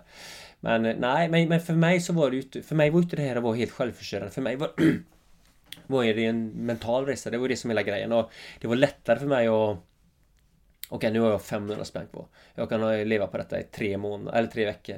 Ja, ja, men då kanske Ingemar behöver hjälp med att sätta in ett fönster. Så gjorde jag det, så fick jag 500 spänn så visste jag, ja men nu klarar jag mig i två månader. Så det var lite så, så det kanske var fyra dagars jobb per år liksom, eller fem. Ja men det var ju inget mer. Ja, var rätt. Man behöver inte jobba så mycket för Nej, att jag har aldrig tänkt på det. Det var liksom inget, pengar var aldrig något problem. Men när du var ensam där, eh, du hade ju ingen att snacka med. Gick du och snacka med dig själv eller? Ja, det gjorde jag. Sen så hade man ju eh, sköna tankar i huvudet. Men det är klart, i början var det inte lätt. Och att gå från ett, eh, en miljö där man ska prestera och springa och man träffar folk till att inte träffa något. Det är klart det är jobbigt. Rastlöshet är ju inte helt lätt. Men jag satt mig på en stubbe i fyra månader. Många timmar varje dag. Sen så försvann det. Så då kunde jag vara tyst och själv. Så var det lugnt liksom. Men det var ju en, en kamp att komma dit. Och det är också som en sån fin grej. Morsan, hela hennes kropp var nedkopplad. Så blev hon ju sjukt bra på att lyssna liksom. Och det är ju något jättevackert. Och jag är så glad att jag fick se det. Att, eh, det var någonting som var borta för prestationen precis. Och jag, Blev du bättre på att lyssna? Ja, ja, absolut. Så du är bra på att lyssna nu? Ja, jag skulle säga det, men jag har ju, jag har ju min anlag. Ja, det är full fart i huvudet liksom. Men just då så är det ju som att... Eh, nej, det vart jag. Det går ju... Ja, det, mm, absolut. Men sen så fick du gå till ICA-affären någon gång då och då för att Ja. handla då? Och så Ja, fick visst. du liksom prata av det där då? Nej, ja, men då var det ju mer så här. Man pratade med hon i kassan i 15 sekunder. Och sen så tänkte jag, ah, tillräckligt, nu kan jag åka hem igen. Skita över tre timmar över fjället där eller snön och så, eller... Och så kan det ju då vara tre månader innan jag träffar någon igen liksom. Men vad gjorde du förutom att satt på en stubbe? Ja, men jag åkte skidor mycket och så bara tvätta mig varje dag så det var ju året runt och det är klart det kan meck liksom Fixa mat och hålla mig varm. Jag har ju alltid frysit så himla lätt så det var ju mycket sånt. Konkreta grejer. Hur katten ska torka sovsäcken. Det var ju sånt som inte vi tänker på till vardags. Men för mig var ju de basgrejerna väldigt viktiga att få ordning på. För det var någon sorts kåta du bodde Ja, i? tält, en bomullsduk bodde jag under. Mm. Vad jag har sett på någon film att du, eh, du skrev en del när du... eh, Lite dagbok. Var det det som var grunden till eh, boken sen? Nej. Jag vet inte ens inte var de böckerna finns. Jag kan säga så här, det är häftigt med minnet. Eftersom jag inte gjorde så mycket annat, jag matade mig inte. Så är det som att jag kommer ihåg så himla mycket. Många kan ju tro att det är utifrån dagboken jag har skrivit, men du vet alla de historierna är ju bara... De bara är där. Ja, det tycker jag är häftigt sådär. Jag tror att det beror på att de satte sig hårt för... Ja, jag gjorde inte så mycket annat liksom. För du har ju både en ny bok som du sa och det är väl någon ny film på gång också va? Ja. SVT gjorde en dokumentär som heter Löparen som kom 02 och nu kommer en uppföljare nu då som kommer 2020. Vad kommer den handla om? Ja, vad, vad blev det liksom? Alltså nu lever jag i familjeliv och vad brottas man med nu och ja men sådär. Och just hur, hur ska man med, med barnen och Ja fortfarande en löpning. Det är fortfarande en röd tråd. Jag älskar att springa. Och, ja men du vet mina funderingar och sådär. Den kommer vara 75 minuter så det blir en ganska lång grej. Men samma filmare och, och nu ska jag göra någon turné i USA med boken så hänger han väl med dit. På något sätt sådär. Jag tror det kan vara... Och boken kommer handla ungefär som filmen eller vad, är, vad kommer nej den nya om? boken menar du? Ja. Den kommer... Vi har lite olika arbetstitlar men nu det sista är, kommer den, så heter den Skogen väntar sökandet efter den djupa vilan. Det handlar om att sova ute. Men det handlar ju också om psyket och när det blir för mycket och sådär. Ja men lite det vi pratar om nu. Som också finns med i löparens hjärta men ändå mer, ja, men Det här med att öppna upp fönstret bara för att känna kylan i ansiktet. Det var ju så det... Det var lite det som också var... Ja men ett sånt där sidospår då. Jag... Det fanns en skitarg gubbe på Öckerö. Som, som vi visste han var arg liksom. Och vi... Vi hade hört att de släcker hans julgransbelysning på hans utomhusjulgran så, så han blev helt galen liksom. Det är ju taskigt. Men vi gick dit och min syssling släckte och det hände liksom ingenting. Så ja, jag tänkte att ja, då går vi hem då. Så gick vi hem och så kom det gående en gubbe bakom oss med en hund. Och sen helt plötsligt bara attackspringer han och så bara suger tag i mig och vrider om armen och jag blir fruktansvärd. Då är det han gubben och säger nu din lille jävel ska du få. Så bara slet han hem mig till henne. Jag gärna gick så. Polisgrepp hade han. Så gick vi hem till han och stängde han dörren och så ringde han min farsa och så ringde han polisen. Han var väl arg liksom och jag fattar väl det. Sen att det var min kusin som hade gjort det men jag var ju ändå med. Så jag, jag blev väldigt, väldigt rädd. Jag kissade ner mig till och med. Jag var väl 11 år. Men för att när jag kom hem därifrån så var jag så uppe i varv. Jag var ju som bara... Och då var det som att, ja, ah, shit, du ska sova. Då öppnade jag fönstret. Och då kände jag bara, shit, vad skönt. Jag fick kyla. Då var det som att det rånade. Så det var, jag tror också det var en grej med det här med att vara ute liksom i kyla. Det finns någonting fint att vara det. Jag ser det på mina barn nu också. Så mycket som vi ändå sover ute. Och framförallt ibland när de har mycket att tänka på. Du vet att ligga bredvid din dotter hon ligger i sin sovsäck, jag ligger i min. Hon är sitt element. Förstår du? Det blir som en trygghet i henne. Och, ja, jag vet inte. Man... Du har sagt det här många gånger att hålla huvudet kallt. ja, jag tror det är så Jag funderar på... Vivica Lärn har ju skrivit en del okay. böcker. Ja. Eh, och där finns ju en serie om en kille som heter Eddie. Mm. Och eh, jag tror, jag minns inte riktigt, eh, men jag tror att det är hans mamma sa så här, Eddie du måste hålla huvudet kallt när du gör det här. Och då gick han alltid upp till bäcken och stoppade ner huvudet i bäcken. Mm. Och det var ju liksom ganska mm. mm. roligt då när man läste det ja. för barnen. Just mm. att han tog det bokstavligt. Att... Men det är precis det som jag tror är grejen. Folk tror att det är en sägning bara, men ta och lugna ner dig. Nej, nej, nej. Du ska hålla huvudet kallt. Det finns det som är det roliga är att nu kommer det ju jättemycket forskning om kyla. Jag har ju bara skitit i Jag har gjort och känt att det här är bra. Men nu vet jag att ett eh, väldigt tydligt, alltså vetenskapligt bevisat eh, ett sätt att liksom höja ditt immunförsvar det är att kontrollera, alltså, alltså frysa kontrollerat helt enkelt. Det handlar ju om precis detta. Ett sätt man kan göra det på är antingen att du efter att du duschar så duschar du alltid 30 sekunder svinkallt eller att du badar tre minuter i 14 gradigt vatten tre, fyra gånger i veckan. Och de bara ser att immunförsvaret höjs liksom. För det är lite tvärtom mot att säga du får inte sätta på dig nu så du inte kyler ner dig så du blir förkyld. Nej, nej, nej. Det är bara bullshit liksom. Så det, sen så om du blir för kall och träffar någon som är sjuk så kanske ditt... Då kanske du är lite känsligare så. Men, men nej. Så, så jag tror på att... Eh, vi bor ju i Sverige. För du blev väldigt sjuk där? Jag var inte sjuk en enda dag. Inte en enda dag? Inte en enda dag. Inte en enda förkylning? Inte en enda förkylning. Det är rätt fantastiskt. Mm. Men jag, klart, jag träffar ju inte så mycket folk heller. Men det är det man blir förkyld av? Ja, visst så är det. Nej, men så, så jag tror ju på att liksom hålla huvudet kallt och framförallt om det man har mycket tankar i huvudet. Det är klart, då ska du lugna ner dig. Och kyla hjälper ju alltid. Det är ju bara att till virus eller bakterier. Alltså när, när du... Liksom, det blir varmt när du har inflammation kyla. Det är ju bara shit, det är klart vi ska använda det. Det finns forskning från Harvard University. De ser när det är varmare 21 grader så har de sämre resultat på proven. Det är ju ganska intressant. Ja, och jag tänkte det här har jag kommit fram till tack vare att jag har testat liksom. Men det blir ju lite roligt nu när man ser att ja, det forskas på det och det... Och, och det är lite det här som jag också har lärt mig att men vi kan ju så mycket.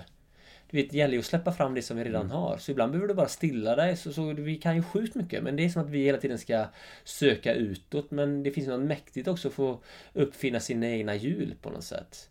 Sen kan det bli andra diken att man, man hittar egna sanningar som är bara bullshit liksom. Men för mig så har kylan verkligen varit väldigt, väldigt viktig. Men en annan grej du hade, det var ju mörker. Ja, fruktansvärt mörker. Herregud vad jobbigt. Varför var du var ruskigt mörker? Ja, ja, jag fick lägga mig under en gran ibland när jag var ute och gick och bara känna liksom stammen mot ryggen. Wow, vad skönt. Och sen så när jag gick ut så bara kände shit nu är det någon som börjar gå bakom mig här. Men vad, vad var du rädd för? Ja, jag vet inte att någon gick bakom mig och ville mig illa liksom. Ja, det var människor framförallt du var ja, rädd för? Ja, typ så. Något ondskefullt liksom. Men jag menar, det mörkerrädsla är ju kanske inte alltid rålogiskt sådär. Nej men det låter ju väldigt ologiskt med tanke på att du hade jackan liggande kvar där med bankomatkortet i 13 år och, ja, och nej, men, det men, var ju inte en människa som kom. Nej, nej, nej, nej, nej, nej. Visst, men det är så. Men, men psyket är ju, det är ju samma som det här när jag började springa och det ballade ur i huvudet. Det var ju som att från att ha älskat att tävla till att känna att det bara är panik. Och den där stressen och prestationsångesten, att den kan göra så att mina ben blir helt tunga liksom. Det är ju på ett sätt lite märkligt. Men det är ju samma med mörkrädsla. Det är ju någonting som är lite svårt att ta på. Och det var ju en Jönma-process. Men jag är ju, det är ju det som har lärt mig absolut mest. Det är det jag har haft mest nytta av i hela mitt liv. Hur då? Sätt, ja, men att jag, att jag blir av med mörkrädslan. Att det första strategin är ju alltid att kämpa mot. Det hjälper ju inte ett skit. Att tänka positivt hjälper inte heller ett skit liksom. Det är bara att öppna upp krama det, acceptera att du har problem, då släpper det. Och det här kan jag ju bara applicera på att jag kan sitta framför, eller att jag kan stå på en scen på och prata. Det kunde jag jag var ju värdelös på det. Men, så, men jag ville ändå testa, så tänkte jag, ja men det är ju jättejobbigt. Ja, ja, men det är ju det. Det är okej. Sen så det bara släpper. Du till exempel, vi säger att du har ont i knät. Ja men först måste du ju fatta att du har ont i knät innan du kan börja jobba. Ja, så börjar du jobba så blir du av med knät. Eller man har en dålig relation med farsan eller vad det nu är. Först måste man ju fatta att man har det, sen så är det bara att börja träna. Det är så enkelt då. Men jag tror det är naturliga för oss människor är att kämpa emot. Man ska kämpa och det gör jag också men jag har bara insett att okej okay, nu känner jag så här. Vi öppnar upp istället. Lite som eh, troll i solsken liksom. Man, de behöver komma ut. Då ser man att ja, ja, det är jobbigt men det är, jag överlever. Men hur menar du öppna upp? För det låter ju väldigt enkelt. Nej, det var inte enkelt. Det var ju fyra månaders stenhård KBT liksom. Men det var som att helt plötsligt när jag insåg att, att det här bara försöka tuffa till sig. Jag tänker, ja men det är ingen fara liksom. Eller att, men hur troligt är det att det går en mördare bakom mig? Det är inte troligt. Det var så de bilderna jag matade med, men jag kände det ju ändå. Och sen så när jag tänkte då, att men okej okay, om jag försöker mer mata mig med ljusa tankar om att ja, men det är något, några änglar som går bakom mig och beskyddar mig. Liksom försöka tänka positivt, ja men det är inte så mycket att vara rädd över. Ja men det hjälpte ju inte heller. Och sen då i december efter fyra och en halv månad, när jag inser att ja men jag är ju mörkrädd. Och det är okej. Okay. Då var det som att det släppte. Det var som att jag verkligen släppte in det. Ja men jag är ju rädd. Det är ju skitjobbigt. Ja ja. Då bara plupp, var det borta. Men det är lite samma sak som till exempel folk som är flygrädda. Ja, du får ju bara fatta att okej, okay, jag är flygrädd och så gör man det ändå. Då släpper du. Men det är inte lätt. Men man får ju göra det. Men du kör den här KBT-träningen med dig själv? Jag har kört den stenhårt liksom.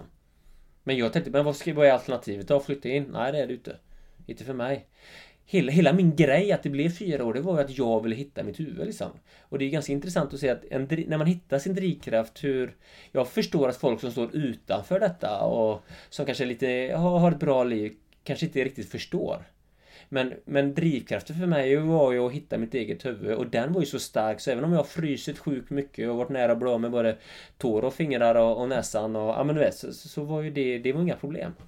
För drivkraften att hitta hjärtat på något sätt var starkare. Så just att hitta sitt driv är ju nummer uno skulle jag säga. Och framförallt en tid som denna när man har så mycket att välja på.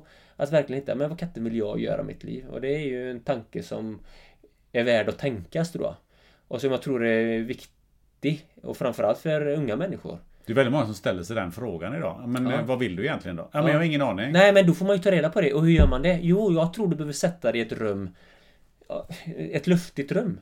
Där du kan hinna grunna liksom. Du kan inte bara komma hem och kolla Netflix. Det kommer inte hjälpa. Ibland behöver du ha lite tråkigt. Gå ut och cirkulera så får du ta lite tid. För när du hittar det, då är det ju bara pff, grymt. Det är så som jag tänker och jag kan ju se också nu som på mina barn så tänker jag, men vad är mitt mission som farsa med dem? Jo men jag vill ju lära dem att kroppen är viktig. Att kroppen kan vara ett redskap som de kan använda när de är stressade. Är det mycket i huvudet, gå ut och spring lugnt i skogen. Spelar ingen roll hur fort du liksom springer eller att du lägger dig på balkongen och sover om det är mycket. Jag vet inte vad de kommer att jobba med när de är stora. Men det vill jag mata dem med. Och sen så också inse att okej, okay, jag vet inte om sinnet säger ja men jag vet, jag har inte en aning. Nej nej, men det är okej. Okay. Vi får bara låta det gå lite tid. Så till slut så kommer det att komma liksom. För sen så plötsligt så gjorde du en, eh, kan man tycka utifrån då, en, liksom en 180 graders sväng. Och istället för att då hålla huvudet kallt så stack du ner till ekvatorn. Ja, Tanzania, men det har ju lite med drivkraften att se hur bra kan jag bli i löpningen. Jag insåg att jag kommer aldrig att bli bäst. Men jag vill ändå se. Så träffade jag ju några tanzanianska löpare när jag var ute och sprang en tävling. Då kom jag ju ner från skogen och sprang en tävling och så, sådär. Så såg jag dem. Så du fortsatte ändå tävla? Det var liksom inte såhär bomstopp, jag vill inte tävla? Nej, men jag tävlar på ett annat vis liksom. Eh, och det var under ett par år jag inte tävlade liksom. Så. Men jag körde några tävlingar där. Så såg jag dem och så tyckte jag shit vad grymt. Så då bara frågade jag om jag kunde få komma ner, så gjorde jag det. Så då bodde jag hos dem i sju månader. I en liten, liten by utanför Arusha på Montmero. Och då delar jag i säng med Nafta liksom. Det är ju många mosungos, alltså vita människor som har varit i Afrika och tränat. Men jag tror att det inte är så många som har levt med dem på det sättet. Och det, för mig var det också en stor grej. Jag vill ju inte bara vara på besök. Även om jag är det så vill jag ändå liksom... Jag menar, hela min resa, det är 6-7 månader, kostar mig 8 10 000 tror jag, med resan. Alltså jag levde väldigt sparsamt. Jag levde med dem. De fick eh, 100 dollar för mat upp eller i månaden. Och sen så var det resa. Det går att göra samma resa som ens kostade 100 000. Men jag har ju alltid... Men då stänger du så mycket dörrar. Jag har ju aldrig haft mycket pengar liksom. Men det har ju inte stoppat mig utan ja men jag... Så vi levde väldigt basic. Och jag lärde mig väldigt mycket. Jag gjorde många misstag. Att jag, jag har ju tendens att ta i för mycket och sådär. Men jag såg liksom eh, känslan de sprang och att de sprang hela tiden med kroppen, aldrig mot kroppen. Vad menar du då? Ofta i Sverige så är det, ska man ta i. Liksom. Det ska vara laktat, mjölksyra. Så det var det jag var van vid. Men i Tanzania så, så sprang de... Eh, eh, man sprang hårt men man sprang hela tiden på rätt sida gränsen. Alltså med syre. Så då lär du kroppen att bli avslappnad. Det var ju det som var nyckeln till att de blev så bra, ska jag säga. Så det var liksom häftigt att se. Plus att de är ju... De är väldigt lata. Och det är en positiv grej. För då har en tränare som säger vad du ska göra. Men sen så går du hem och vilar. Och det, ska du bli riktigt bra så är det så du får leva ditt liv. Förstår du? Och det tror jag många inte fattar hur mycket, hur tråkigt du ska leva om du ska bli riktigt bra. Så då måste man ju ställa sig frågan, men är det värt det? Jag tycker ju inte riktigt det är det, för det är så mycket annat jag vill göra. Vad menar du med hur tråkigt? Ja men du ska springa på morgonen och sen så ska du inte göra någonting på hela dagen. Sen så springer du på lunchen eller eftermiddagen och sen så gör du ingenting. De tittade inte på TV, det fanns ingen TV, de läste inga böcker, pratade knappt. Utan det var totalt fokus. Och att leva så i tio år, det kanske inte är så roligt. Och det tror jag att folk inte fattar liksom. När jag ser svenska skidlandslaget eller fotbollsspelare då som man sitter och spelar TV-spel och så. Ja, men det hade aldrig... Hade du levt ett sånt liv i löpningens värld så hade du inte varit bland de bästa. Du slösar energi liksom. Så hårt är det. Det tror jag många att det Du kan alltså inte ens spela tv-spel? Nej, du, varför ska du slösa med energi? Det är totalt fokus. Så det var det de gjorde och jag tror att det är lite det som var nyckeln ändå. Ja, det låter ju oerhört eh, ja, intressant. Det, det, det, tänker man inte på överhuvudtaget. Jo, jo, jo. Jag vet ju att eh, en annan intressant, det finns ju en norrman som sprungit maran på 2.05. Eh, Sondre Nordstad Moa. Det är ju mm. helt fantastiskt liksom. Han säger ju, han är ju ofta i, i Kenya. Eh, och jag tyckte han, ja, jag tyckte det var en intressant reflektion. Då var det någon som sa, men varför är det inte Flagstaff och, ja men du vet, i Sydafrika eller i, i USA? Nej men, du vet, där är det så mycket annat att göra. TV-spel och, och, folk. Jag är i Tanzania för att springa och inte göra något annat. Det är ju därför han blev bra också. Jag tror inte att han hade blivit lika bra om han hade varit på en lite mer västerländsk eh, så. Så det är inte bara att man eh, råkar befinna sig på hög höjd? Nej, nej, nej, nej, hela, liksom, nej, nej, nej. Sen så ser jag att de har ju fantastiska anlag och det är mycket som är rätt liksom. Så, så när de kommer få det bättre där ekonomiskt så kommer inte de springa lika fort. Varför ska man göra det? Så är det. Men eh, vad kom det sig ändå att, eh, eh att du tränade på det sättet med dem? Var din målsättning att bli lika bra som dem? Och, och men jag var... vart ju jättebra till slut. Men sen så... Men för att jag vill ändå... Men på något sätt så har jag ju haft lite skador när det gäller det här att tävla. Men jag ändå... Att känna att det svarar att springa på en ensam på en skogsväg i Jämtland. För mig har det på något sätt räckt liksom. Så när jag kom ner dit i början så... Så var det inte så bra. Eller bra, men det är klart det var okej. Okay, men men jag blev ju bättre och bättre och till slut så var det inte långt efter liksom. Eh, men jag tog ju också i för mycket liksom. Jag gick ju över en gräns så jag fick ju väl någon form av ätstörning. Jag vägde ju 52 kilo när jag kom hem. Och jag är ändå 1,79 liksom. Oj! Jag gick ner 14 kilo. Hur, kunde, hur orkade du överhuvudtaget röra på dig ändå? Ja, det var ju det. Det, var, det gick långsamt liksom i huvudet. Jag ser bilder ibland när jag tänker det så här. När jag ser tillbaka.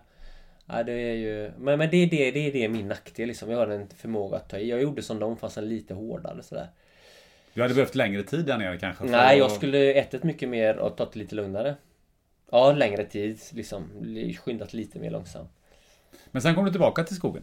Ja, så fortsatte ett par år till. Tre år till, eller två och en halv. Du var ja. inte färdig med skogen än? Nej, nej, nej, nej. Det var underbart. Jag bara, jag bodde där. Och sen så jag vet, jag hade ju nätstörning rejält när jag kom hem därifrån Tanzania. Och jag kunde liksom inte bryta den på något sätt. Jag visste att jag hade problem men... Så ja men skogen kan nog hjälpa mig. Så den gjorde det. Jag var där och så frös jag lite. Så tänkte jag, ah, jobbigt att frysa. Jag får räta lite. Så var det som att det funkar. Så skogen har hjälpt mig med så mycket. Det finns ju en annan eh, i dagens samhälle som har nätstörning. Jag skulle säga att sjukt många har det. Alltså jag har en tjej som jag pratar med en del som kan använda sådär. Eh, som är en duktig löpare. Hon sa att, jag menar det som är det normala idag hade ju varit en ätstörning för 15 år sedan. Om du kollar med folk lägger ut en middag på Instagram så är det en sallad och ett ägg typ. Det är ju, det är ju sjukt. Jag pratade med min morfar bara. Ja men det, när ni fiskar som har det, så många potäter käkar ni? Ja, 10-15 stycken. Fattar du eller? Ja, ju tränar du med så får du ju trycka i dig.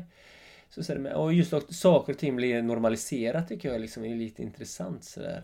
Men jag tänker på även sådana som inte tränar. Eh, ja, ja. Människor i största allmänhet ja, eh, har, har, ju, det, det förekommer ju mer och mer eh, mm. av andra orsaker mm. än att man mm. just att man vill, vill träna. Men det är väl tillbaka till lite grann där att de kanske på något sätt hade mått bra av att ha huvudet kallt. Ja, absolut. Men sen så är det också idag så tänker man ju, man kanske också... Det med mat. Jag tror ju på att äta energi tät mat på det sättet att det är, det är bra kvalitet på, på maten sådär. Och idag känns det som att man... Eh... Man lagar maten från grunden? Ja, ja men lite så. Och också liksom inse att... Eh, ja men äta vettiga grejer. Egentligen så... Det finns ju så massa olika dieter och sådär. Och, och, jag har ju testat det mesta men för mig har det bara landat att det viktigaste är att äta med ro i huvudet och äta det som är nära. Så okonstlat som möjligt. Då är det bra liksom. Sådär. Det är en grej som jag funderar på eh, som du har sagt vid något tillfälle eller som du har skrivit. Det, eh, det står så här. Skogen blev som en pappa, en mentor för mig som visade med kyla och smärta eh, om jag gjorde rätt eller fel. Den hjälpte mig att sortera tankarna. Eh, jag funderar på det. Hur det du säger där, hur är det i relation till eh, din pappa?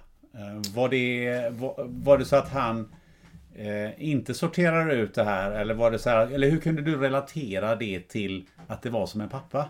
Nej men så här då. Om man, om man pratar om en fadersgestalt eller en tränare så, så har man ju sån för att den kanske ska visa en en väg. Liksom, vad som funkar och stötta och ibland ifrågasätta och sådär.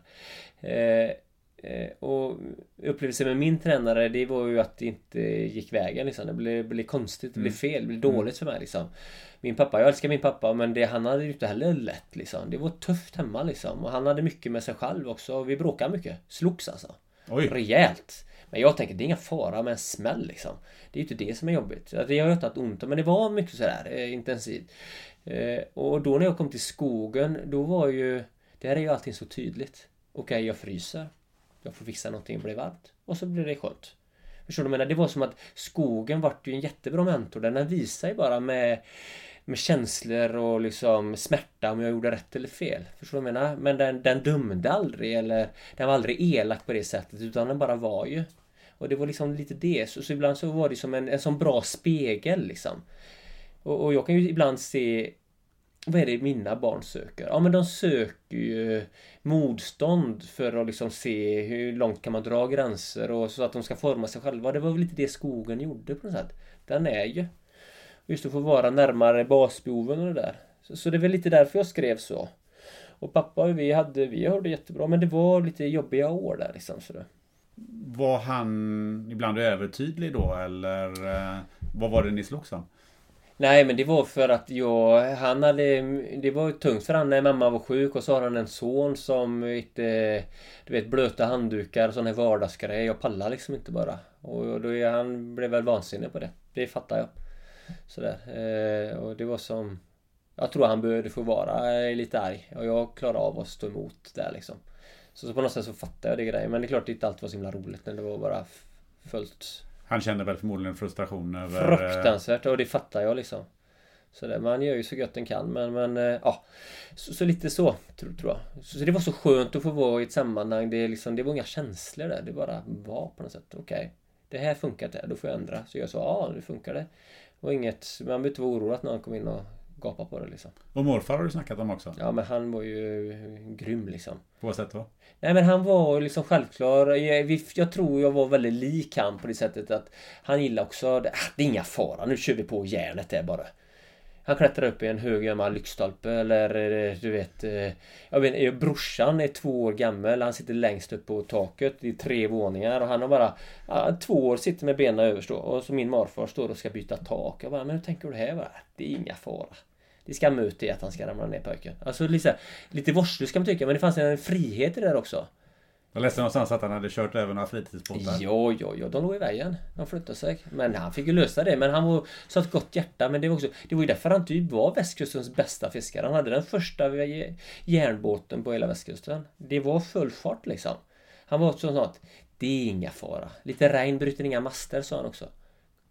Det är ingenting att vara rädd för. Lite så. Jag tycker det var härligt. Det fanns en sån frihet i det. Ja. Ofta så gick det i vägen. Också så tror han hade frid över att det kunde skita sig, att man kan dö. Han hade liksom frid i det. Ja men det, livet fortgår i en annan form och jag tror att det gjorde att han var avslappnad sådär. Jag menar när vi klättrade svinhögt i träd när man var sju år och alla var oroliga. Han bara Det är skam ut i att det ska hända något. Det är ju en underbar inställning.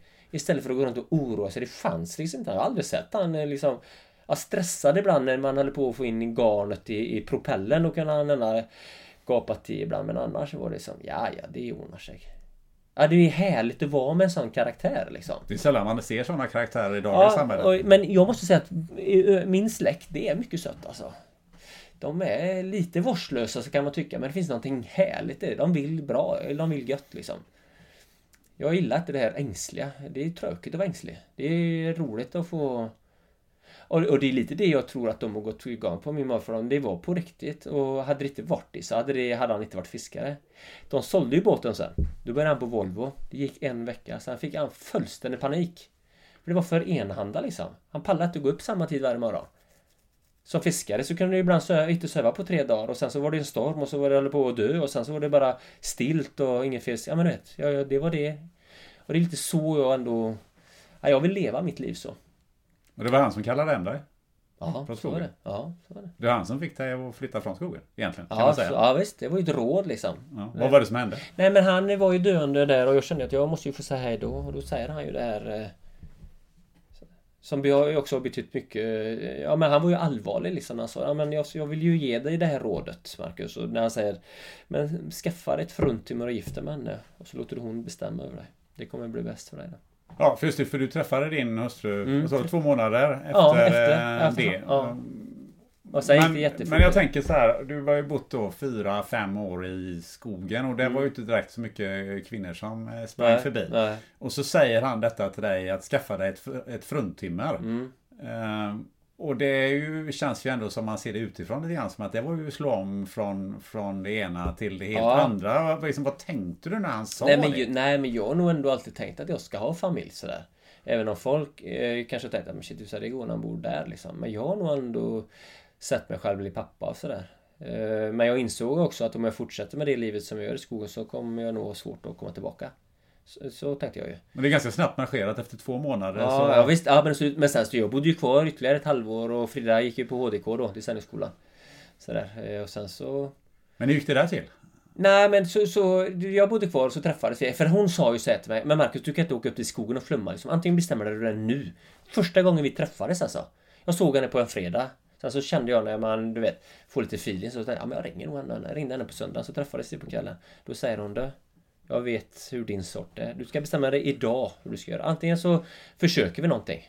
Eller så skiter vi i det. Alltså du vet, fattar vilken hård brud? Ja, det var ju stenhårt. ja, ja, stenhårt bara. Och så hon bara kolla med sina isblå ögon. Jag bara blev ju... Ja, men sådär mäktigt på något sätt. Så jag bara, ja men vi kör väl då. Men hon måste ju ha fattat någonting också för ja, men dig. Jag, du vet när man känner oss, så känner man ju något. Det är inget konstigt. Och hon kände ju och jag kände ju. Och sen så åkte jag upp och så höll vi kontakten. Hon var uppe och hälsade på någon gång och jag var nere. Och sen så kom jag ju ner i maj, juni. Då sa hon alltså upp sin lägenhet som hon hade i Janneberg. Världens bästa lägenhet. En sån helt klockren. Hon bara sa upp den och så flyttade hon ut till en liten stuga på Öckerö på 12 kvadrat. Vi hade ingen el, hade en stor tunna på 150 liter vatten på utsidan. Ingen toalett. Sådär. Och så hade jag gjort ett hål i väggen och stoppat in en kamin och så eldade vi Skorstenen var ett spir och du vet helt stört nu efteråt. Alltså bodde vi där. Och sen så vart hon gravid, gick klart skolan och sen så under tiden hon var gravid så byggde vi en liten jag insåg att om vi ska upp till Jämtland. Jag vill ju fortfarande dit sådär Så kan vi inte bo i den här gamla fäboden jag hade. Det var liksom snö inne tre månader varje vinter. Ja för hade du köpt någon fäbod? Ja visst, jag gjorde det då. För inga pengar alls liksom. Ja så eh, Ja så då byggde vi en liten stuga där så då när Signe var Hon gick klart HDK och jag Signe var en månad gammal så flyttade vi upp Så bodde vi där i Ja vi bodde ju där i många år Utan el och vatten Så det var väl liksom våra sätt att mötas. Men jag kan ju också se i backspegeln att jag, det, jag var ju... Jäses vad hon har haft det tufft alltså. Du vet. Knappt några pengar. Jag checkar inte in i familjelivet. Typ. Man letar kronor mellan sätet. Antingen får jag springa till Järpen och handla för 27 spänn. Eller så får jag ta bilen och kan handla för 10 liksom. För det är ändå två mil att köra. Och så hon är ledsen och jag bara, men vad är du för jävla klenis? Ungefär så. Det är helt sjukt. Eller det är plus 10 grader inne. och Hon tycker det är kallt. Jag bara, men vadå? Det är ju plusgrader. Alltså du vet nu när jag pratar om det så bara, jag är så knarkad. Jag var ju, så såg jag hennes ögon och att hon ändå var ledsen. Hon gillar mig och ändå, men ändå skakade på huvudet. Men hur, vad är han för idiot egentligen? Men det tog tid för mig att bli farsa helt enkelt. Och steppa in. Även om jag älskar henne så hade jag blivit formad de åren ute. Men att inte hon tog och drog? Nej men hon är mäktig vet du. Alltså hon är ju den hårda här. Alltså hårda, hon är... Det är kärlek men hon gillar ju mig. Eh, och hon... Eh, hon och, och, det som är en, ändå liksom... Det är inte så ofta jag pratar om det men jag tror att en av anledningarna till att det ändå funkat är att jag har aldrig haft problem att ta liksom feedback eller kritik. Och hon... Eh, jag hade ju inte koll. Alltså jag var ju van vid att... För mig var ju det normala att om jag skulle ta något. Ja men mamma ligger på soffan och grinar. Och det är skitgött väder. Om jag ska gå ner och bada så kommer hon grina. Så jag får bara gå. Och bara stålsätta mig. Jag går och badar nu för annars kommer jag dö. Så jag var ju tvungen att få total liksom för att få på något sätt. Och det var ju lite också det som ingången liksom, när vi möttes. Så det är klart, hon har ju fått allt. Och jag tänkte bara att ringa hem och säga kan ni fixa mat till mig? Det skulle jag ju aldrig kunna göra. Så när hon säger det till sina föräldrar så tänker jag shit vad bortskämd det är, så kan man inte göra. Till slut så fattar jag att men det är jag som har det helt konstigt. Hon är ju med det normala. Och just också, du vet i början att jag bara, jag vill ju bara springa. Och så har jag ändå barn. Och så när jag då, jag, hon var ju ändå mammaledig på något sätt. Och så skulle jag till Järpen och kanske jobba. Och så gjorde jag det med tunga ben liksom. Och hon bara var ledsen för att jag, han kan ens inte göra det för mig liksom. Förstår du? Ja, det låter helt sjukt. Men det måste ju vara, måste ju, du säger att ja, hon är den hårda och liksom hon, hon gillar det. Men hon måste ju liksom, det är ju en ja, men story det, all, ja, men det, allt ja, annat. men alltså. precis. Det är ju därför den nya boken jag skriver om nu.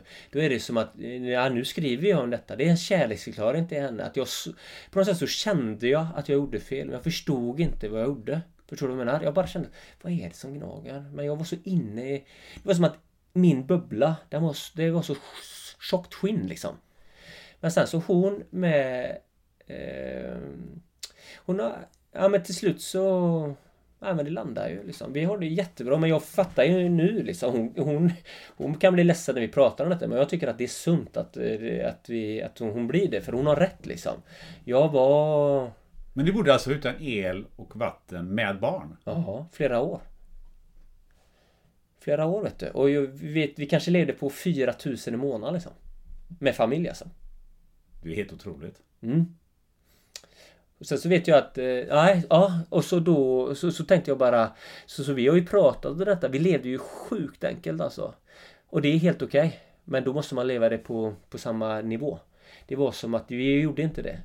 Barnen har alltid fått det de har behövt. De har alltid haft jättebra. Men Frida fick ju avstå för att de skulle få tillräckligt på något sätt. Sådär. Alltså mat fanns ju men det var som att hon sa att, För vi pratar om detta jättemycket nu. Sådär. Så säger Marcus, det var som att allting bara var Det var bara tillräckligt. Det var knappt nödvändigt. Så var det för dig hela tiden. Och det är lite så jag har levt mitt liv. För det är först då jag har känt liksom att det är överflöd. Det bara går fet bort liksom. Det ska bara vara precis. Det är som att allting handlat om överlevnad. Och ibland så behöver livet inte vara så. Och det har, varit, det har varit en lång resa för mig. Men det jag funderar på är ju hon... Hon borde ju komma Hon är ju den mäktiga. Jag tänker att hon har ju mest och... Alltså jag tycker att, jag menar jag, jag kan ju fatta att folk är intresserade av skogen och sådär. Men det är ju för att jag har varit helt körkad i huvudet liksom. Och det, jag kan tro att många behöver skogen. Alltså med, med psyket mm. och när man har varit lite mm. utbränd och sådär. Men Frida är ju, om man pratar om, om företag och har sett liksom att få folk att fatta så är hon ju helt fantastisk liksom. Jag är så grym att jag har henne liksom. Hon brukar säga så här ibland, eller vi brukar skoja om det. Ja men Marcus, du har ju både lågt IQ och EQ, men du är ju ganska gullig. så det ska man inte... det, det, det är ju faktiskt ja. ett rätt bra. Ja, ja så jag menar, jag är väl det. Nu börjar jag med gammal och ful, så, vi, så nu har jag gärna fått känna att jag får börja skärpa till mig här. Jag kan ju liksom inte leva på att jag är snygg liksom. men det är ganska fantastiskt för att det var ju inte vilket jobb som helst som hon hade sen efter ett tag. Hur gick Nej, det men, ja, men så här, Frida är, hon är, hon är grym liksom. Alltså hon har alltid haft, hon har bara så, bara, hon är så jordad på något sätt. Så var det så här, vi hade ju lite, skit lite pengar så kände ju att ja, det funkar liksom inte längre. Så, så där, ja, men vi drar ner till Öckerö då. Eh, och så bodde vi, då hyrde vi en av min pappas När är detta i tiden? Ja, jag vet inte, när kan det vara? Signe kanske var fyra år kanske? Fyra. Ja, vad är, vad jag pratar om, tio år sedan eller då? Ja, åtta år sedan. Åtta år sedan, ja. ja. Så drar vi ner dit och så bor vi i en lägenhet eh, sådär och så har Frida, vet inte riktigt vad vi ska göra liksom. Då får Frida är ju, hon är ju konstnär liksom. Mm. Sådär. Så då har hon en utställning med oljemålningar. Och så kommer det fram en tant där och säger Shit vad grymt det här är. Du kanske vill börja jobba för oss? Bara, vad gör du då? Ja men jag jobbar för Volvo på design. Ja kan jag väl göra. Så då bara gick hon dit och så bara blev hon... eh, Hon har gjort deras färger på deras bilar i tio år. Jag menar hon är helt fantastisk liksom. Så De hon bara, alltså får en konstutställning Ja, in så att ja. vara ansvarig för Ja men, färger. sen, ja, så, men så ska man ju också veta. Ja, jag får skryta för jag är ruggigt stolt över den. Hon... Eh, eh, hon... Eh, eh, ja men... Ja, det var en liten process innan hon kom in men så fick hon ju ansvaret för color material, alltså för färgerna. Så hon, jag menar, den som vann... Eh, nej men, ja, så gjorde det. Så... Men sen slutade hon där. Ja, nej men så, så var det. Så, så gjorde hon det. Och det gjorde också att när hon fick jobb där, började tjäna pengar, vi kom igång. Det gjorde också att det blev lite mer luft i systemet liksom. För jag har ju alltid, jag alltid, vi har alltid klarat oss men det har ju tagit tid för mig att hitta katten är det jag ska göra. Men då var det som att allting landade att okej, vad ska jag göra nu då? Ja men jag får ju, jag måste ju också dra in pengar. Jag har ju ändå familj sen. Så då var det ju skrivningen och det som började på något sätt. Så. Skrivningen och att jag kunde få tid att sätta igång liksom. Och sen då så jobbade hon lite fram och tillbaka på Volvo, gjorde det väldigt bra. Och så har hon ju en ganska allvarlig reumatisk sjukdom sådär. Och sen så kände hon till slut att äh, det är ju något segt liksom. Och så tänkte hon att eh, Nej, vi flyttar upp igen. För då hade vi byggt ut i Jämtland och vi fått el och så. Och hon var mammaledig med våran nummer tre och då var det som att hon återerövrade Jämtland. Och det var så... Jag hade steppat in och vi hade pengar, mat på bordet och hon fick se allt det här fina. Så det vart som en sån djup kärlek till det liksom.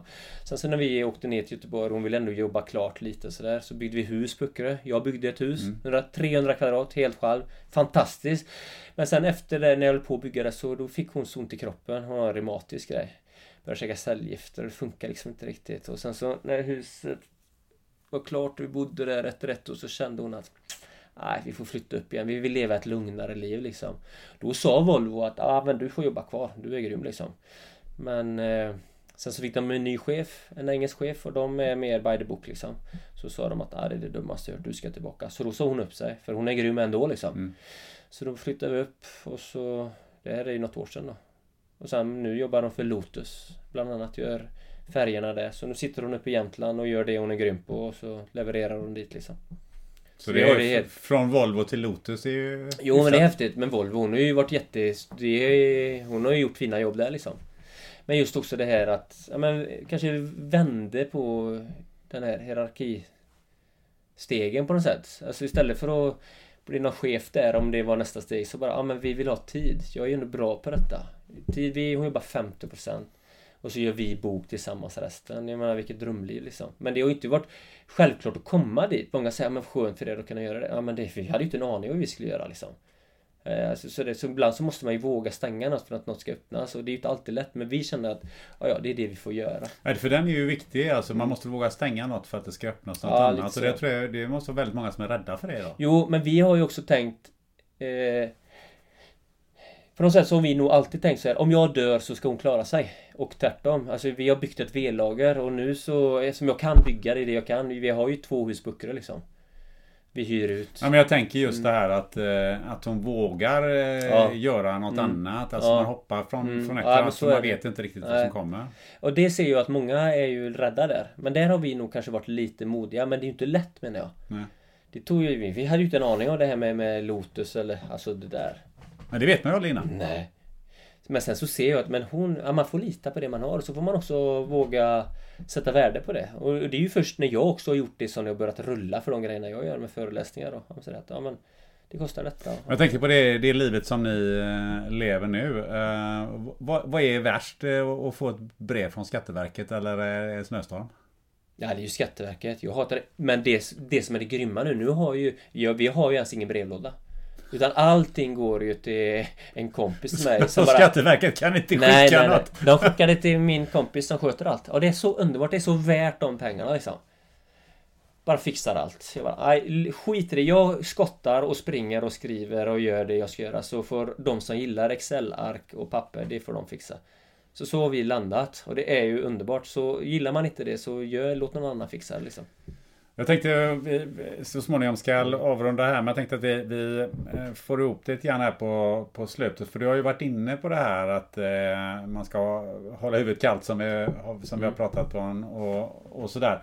Men du har också sagt att du kan inte fly från ditt eget huvud. Ja men det går ju inte. Va, vad menar du med Nej det? men vad då ibland så tror jag att folk tänker ibland så här, ja ah, men bara det är en flykt liksom att vara ute i skogen. Ja men lycka till säger jag.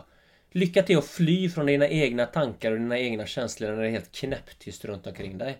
Hade du kunnat ta ditt huvud och sätta dig sidan om och springa, ja men då är det en grej. Det är mycket lättare att fly genom att sätta på Netflix och bara gå på konserter och bara fylla på. Och det är det jag tror är en stor grej i våran tid, den vi lever med nu. Jag menar, förr var det ju du fick välja mellan gott och ont. Mat eller inte. Nu är det inte de bekymren vi har. Nu får vi ju lära oss att sålla. Och det är mycket svårare. Det är ju första gången i mänsklighetens historia vi är där.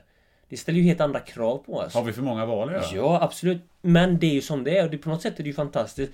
Men då måste ju vi hitta ett förhållningssätt till detta. Och då tror jag det är viktigt att hitta den där rummen där man bara är i sitt eget huvud, där man hinner tänka efter. Och bara, men vad är det jag vill då? Vill jag detta?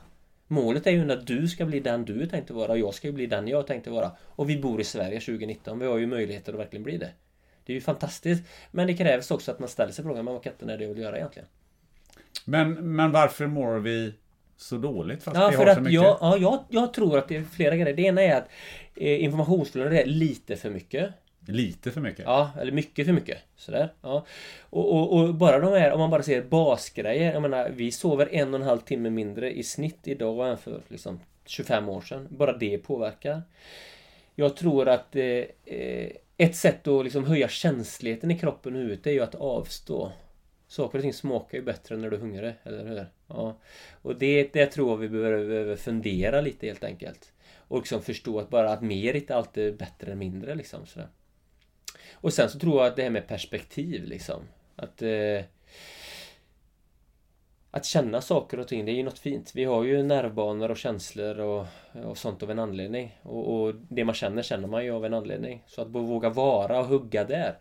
Jag var i Helsingborg förra veckan och pratade och sen så när jag skulle åka hem så var det ett stopp i Stockholm och tåget var försenat 12 timmar. Alltså, så satt, så satt jag där och lyssnade på musik.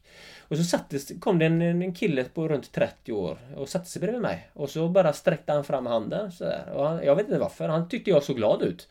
Så jag tänkte shit vad mäktigt. Så började vi prata om, eh, om sekularisering och sånt. Och så, så berättade han om en, eh, en poet, en, en arabisk poet. Så sa han Eh, han tappar sin ring. Och så börjar han leta efter ringen och så är det en som kommer fram till honom och så säger han Men varför letar du efter din ring här? Du tappar ju ringen 200 meter där borta. Ja men där är det ju mörkt. Ja, precis. Men bara för att det är mörkt där så är det ju där du måste leta för annars kommer du aldrig hitta den liksom. Lite så tror jag i våran tid. Alltså vi har så mycket i oss liksom. Vi har så mycket svar men vi söker hela tiden yttre, yttre bekräftelse, yttre lösningar. Men ibland tänker jag att vi behöver bara stilla oss. I ganska många av fallen, 8 av 10, så tror jag det är lugnt liksom.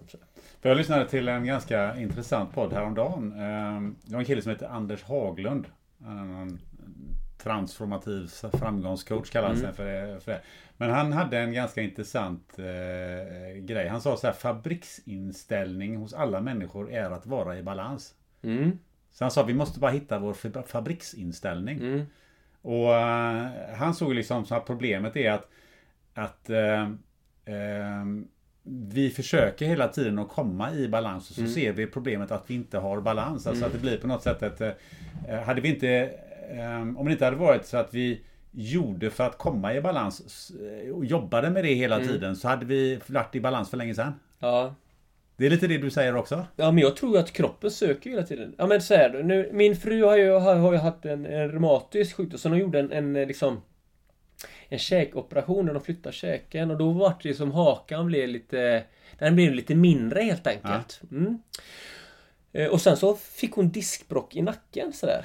Och hon har alltid haft sån bra hållning, stark sådär. Så det var lite konstigt. Men då sa en naprapat att men du vet, kroppen söker ju hela tiden sitt normalläge på något sätt. Och då när hon har fått lite undflyende haka, så hon opererar översäken, så skjuter hon ju fram hakan. Per automatik liksom. Och då fick hon ju diskbrocket. Ja. Och det är ju ganska intressant det där liksom. På något sätt att eh, det är mycket som eh, Ja, lösningen för henne kanske blir då att liksom flytta fram hakan då. Men, men på något sätt så, så, söker man ju hela tiden balans. Men jag tror att ibland kan det vara lite eh, svårt i den tiden vi är nu. För de grejer vi har runt omkring oss, det är så mycket som är normalt. Men det kanske är så långt, det är ganska långt ifrån naturligt menar jag. Att sitta på en stol idag, vi sitter 13 timmar i snitt. Det är klart det gör någonting med oss. Liksom, ibland så kanske man bara förstår man det så kanske man kan eh, hitta lite lösningar på det där. Liksom. För vi sitter ju för mycket och, och det här med rörelse är ju Det är fler och fler som inser att eh, mm. vi måste ju röra oss mer. Men mm. det är ju många som köper gymkort och, mm. istället för att ge sig ut i skogen egentligen. Ja, jag tror ju mycket mer att det vi behöver belasta oss med det är ju den typen av terräng som vi som är skapade av. Alltså som är upp och ner eh, liksom sådär. Alltså det, det är så Belasta kroppen från olika vinklar. Det, det är ju egentligen ett gratis gym. Precis, och det är, du blir mindre skadad och du blir starkare och, och att få vara där ute det är ju liksom Gymmet det är ju bättre än inget men, men det, ofta så är det liksom så, så statiskt där och jag tror att det är, vi lever så statiska liv ändå. Så, så jag, jag tror ju mer på bara ute i brötet och ju mer desto bättre. Och just att löpning är ju... Det är roligt att tävla men att bara få vara ute och bröta runt i skogen och få bli lerig och ramla. Jag tror det. Även om man är äldre så det är det man behöver. För du får ju ut barnen också. Jättemycket. Men hur lyckades du med det? För, för det är ju ändå så att eh, jag vet hur barn är. Man det är iPad och det är iPhone. Ja, det, så det är allt möjligt ja, sånt där som Jo, eh, men vi, vi... Jag är absolut ingen perfekt farsa men jag har känt att mitt mission som farsa det är ju ändå att ge dem någon, någon, någon kroppslig liksom eh, glädje liksom sådär. Och, och, vi har ju ändå fysiska kroppar sådär. Och jag tror att jag vill ju få dem till att kunna upptäcka och uppleva sina kroppar sådär. Och då handlar det ofta om glädje menar jag. Sådär. Jag menar nu de åker skicross och storslalom och vi är ute och, på sommaren så, så har vi ju Indalsälven. Sådär, nedanför Ristafallet där de spelar in Ronja Rövardotter. Att bara springa dit och hoppa i och bara glida med älven i två kilometer. Det är ju inget konstigt. Alla tycker det är roligt. Så man måste ju liksom hugga på de grejerna. Och just också eftersom jag gör de här grejerna varje dag så är det inget konstigt för dem. Det blir ju normalt. Att farsan och morsan är ute och rör sig. Det är ju så... Så det är ingen stor grej. På samma sätt som att det är vettigt att kunna läsa idag. Så är det också vettigt att kunna röra sig. Så jag vill ju få in den tanken i huvudet. Att, att röra sig lite varje dag, det är ingen stor grej. Man behöver inte liksom egentligen liksom reflektera över det. Så Men har du några tips? Så här, det finns ju... De flesta bor ju inte riktigt så som ni gör Nej, kanske men, då. Jag... Men, men, har du något tips till en, en barnfamilj eh, idag som jag säger så här, men eh, de vill kanske få barnen till att röra på sig mera. Mm. Men de vill samtidigt inte det vara de här, nu får du lägga undan iPaden och du låser vinden och det här. Utan eh, göra det mer eh, utifrån ett lust, lustfullt perspektiv. Vad hade ja, du? men, jo, men då, då kan jag se som, som vi ibland, när jag är ute, Signe då ofta, ute och, och springer. Så, så, jag fattar att de tycker inte det är så kul att springa. Sådär. Ja, men så nu då har vi varit ute två gånger i veckan. Så kanske vi joggar några minuter och sen så, alltså du vet, bara leka loss. Du vet, kullerbyttor, hoppa, alltså bara gör en massa sådana roliga grejer så att det blir ruggigt lustfyllt. Så att det blir någonting som de själva vill dra sig till. Att det blir som ett schysst komplement till att bara bli underhållen från paddan sådär. Så jag tror ju på lusten till det. Och ibland så behöver man ju, alltså de flesta barn, de vill ju eh, de vill ju ha goa liv sådär. Hänger du med? Och ibland så när de är lite äldre så kan man också prata om de här grejerna. Ja men okej. Okay. Padda och bara sitta och bli underhållen. Jag fattar att det är skönt men lite det här sker ju i ditt hjärna liksom. Kroppen det är också en del av dig på något sätt. Det är viktigt att vi är rädda om den. Vi får liksom bygga det där. Föregå med gott exempel också kanske? Framförallt det liksom. Men det finns ju så massa roliga grejer att göra. Att leka mycket mer. Min, min äldsta, hon gillar ju adrenalin. Ja men ni är på Öckerö, man springer över till hörnet, över klipporna, hoppar i, simmar 300 meter ut och så finns det en ö där och så är det en, ett hopp. Det är som en brant där, det är kanske 8-9 meter. Går dit, hoppar, adrenalin, simmar in. Ja men om man fått lite spring över bergen, lite sim och lite adrenalin. Det är ju klockrent. Sådär. Lite sim, lite, lite spring och lite... Ja, bara roligt liksom. Och Helga, min mellersta, hon har ju så mycket mer naturligt. Hon bara älskar att vara ute. Hon rider, hon åker skidor och är kullerbyttor. Men hon är ju inte ute lika mycket med för hon gör det så mycket per automatik liksom. Men alltså nu också nu när vi åker skidor, då är ju alla barnen med. De åker skicross på tisdag och torsdag. Ja men du vet, så är man med där och de kör sitt och du vet, det är ju skitroligt. Att se sina barn glada, det är ju så gött liksom. Så, så det bästa är väl egentligen om man kan, om man kan behålla det från barnsben liksom. Det är, jag antar att det är svårare om man bara börjar från noll när man är 17. Så, så, men är det så så tänker jag att det går väl liksom. Men, men ja. Vi har ju bara än aldrig slutat. Det har aldrig slutat men eh, nu har vi nått eh, Mm. våran eh, slutpunkt. Fantastiskt samtal Marcus. Och vi har, jag tycker vi har spänt över så många grejer och Så det. har varit otroligt roligt. Så jag tänkte fråga dig, hur tycker du det har varit? Jag tycker det här har varit jättebra. Ja men jag gillar ju också när det blir eh, Ibland kan jag känna, jag har ju varit med i lite poddar och sådär eh, Och ibland så är det så att när folk läser på för mycket Så blir det åt ett visst fack liksom. Och då, för de har ju läst på om det som redan finns. Jag kan ju känna som att, ja men Ja, nu är jag ju 42 och just att, och det tycker jag att vi har kommit in på, ja men lite hur min hustru på något sätt hade det. Ja, det sånt tycker jag ju det kanske låter helt stört men jag tror att det kan vara vettigt att prata om liksom. Jag tror att många kan känna igen sig det. Inte att mannen kanske springer på en myr men ändå att han går in i sin bubbla och, och det kanske kan vara något stöd på något sätt. Och tipset är ju då att göra kanske som Frida bara. Man tar det när det är lugnt. Ja. Tittar liksom. Då är det svårt att fly från det. Och då blir det ofta bra. Bra tips. Du, eh, nu vet jag att den här frågan är lite oförberedd eh, för dig, men jag tänkte ställa en- den ändå. Eh, Om du skulle inte vilja intervjua någon, eller om jag skulle intervjua någon som, som du gärna skulle lyssna på, vem skulle det vara? Jag har ju många. Thomas Sjödin tycker jag är grymt. Vem är det? Det är ju... Ja, jag kan nog säga kompis. Han är ju... Han har varit både sommar och vinterpratare. Han är... Han skriver jättefina böcker. Jag tror han skriver, han skriver krönikor i GP, har gjort det i 20 år. Eh, är pastor i grunden. Men har mycket spring i benen. Han har mycket vettigt att säga. Thomas Sjödin. Jag tycker du ska ringa han. Du kan få numret sen. Ja, gärna. Ja. Eh, Jag har själv någon på eh, hjärnan just nu. ja. Din fru. Ja, ja. ja jag tycker hon är ju... Frida, hon är ju the man liksom. Alltså jag tycker hon är så jävla mäktig. Och det är så häftigt, vi har varit ihop i 15 år. Jag har varit gifta i 15 år. Jag bara ämnar att... Att kärleken växer på något sätt. Jag tycker det är så fint. Jag hör så många som skiljer sig och så tänker jag, men... Vad är det som gör... Varför det... Har jag bara haft tur liksom? Eller vad är det? För vi har ändå... Det har ju inte varit helt lätt menar jag. Nej. Sådär. Men ändå, vad är det som, som gör det? Men just att den ser varandra och ibland också får vara ifrån varandra så att man får längta. Jag tror det är nyttigt. Min morfar sa ju ofta, eller min mormor sa det, ah, du vet jag var ju nykär hela livet vet du. Jag var ju konstant sugen. Nej, så sa hon inte. Men för mar morfar var ju borta som möt. Han var borta, de var borta tre veckor liksom. Så kommer de hem på en helg och så var man sugen och så gjorde man ett barn och sen så drog han iväg. Det finns något fint i det också Ja, liksom. är det. Ibland att just jag tror att våran lycka med Frida har varit, jag menar hon älskar att måla. Du vet, då går bara tiden. Hon gör det för sig själv. Hon behöver inte sälja de grejerna, det är inte det hon gör. Och just att, ja men jag ser det. Jag bara uppskattar och blir så glad när jag ser henne göra det. Och det kanske låter konstigt när jag pratar om, om löpning och så, men Frida har ju också sett att det har betytt så mycket för mig. Ibland i perioder har det varit för mycket. Men det är aldrig någonting som har varit, ja men ska du göra det där nu? Ska inte vi sitta i soffan sådär? Ja men vi sitter i soffan sen liksom. Går du och målar nu? Det är okej liksom. Just att våga släppa varandra. För man är ju ändå... Hon är ju född från sin mamma och jag från min. Alltså man lever tillsammans. Man är ju, har ju två hjärtan liksom. Men det känns ju det här med att eh, just en väldigt hög toleransnivå. Ja, så är det ju. Ja men jag har ju tur att jag har henne. Det hade ju kanske inte funkat med så andra. Men hon luktar gott liksom och då gick jag på det. Ja. Ja, det var väl likadant för antar jag. Ja, det låter ju väldigt krångla bra. till det så mycket. Nej, det är bra. Du, slutligen, eh, om man eh, vill följa dig eller komma i kontakt med dig, hur gör man då? Ja, det är ju inte minst... Jag har ett Instagram, Marcus Torgeby. Min fru sköter det. Det är ett smart test. Jag har också eh, marcustorgeby.se, en hemsida som jag gjorde i ordning här nu. Så jag kommer gärna om det är något som vill att man ska prata eller inspirera eller sådär. Marcus Torgeby, underbart att få prata med dig. Tack så mycket. Tack så hemskt mycket. Ja, mm. Du har lyssnat till det 190 avsnitt av podden Spännande möten med mig, Gunnar Österreich. Och jag uppskattar som sagt var att du håller ut och fortsätter att lyssna på podden även om det varit lite skakigt på sistone. Snart har vi tagit oss ur repristräsket och det är nya fräscha intervjuer på ingång.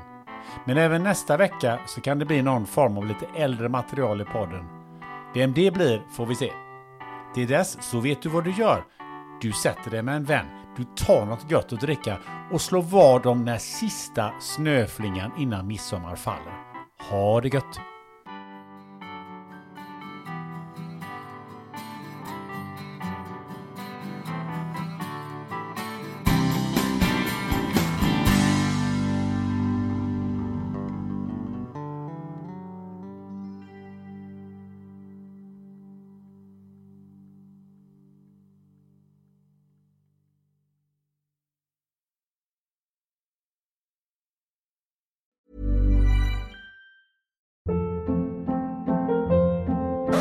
Hold up. What was that? Boring. No flavor. That was as bad as those leftovers you ate all week. Kiki Palmer here, and it's time to say hello to something fresh and guilt-free. Hello Fresh. Jazz up dinner with pecan-crusted chicken or garlic butter shrimp scampi. Now that's music to my mouth. Hello Fresh. Let's get this dinner party started. Discover all the delicious possibilities at hellofresh.com.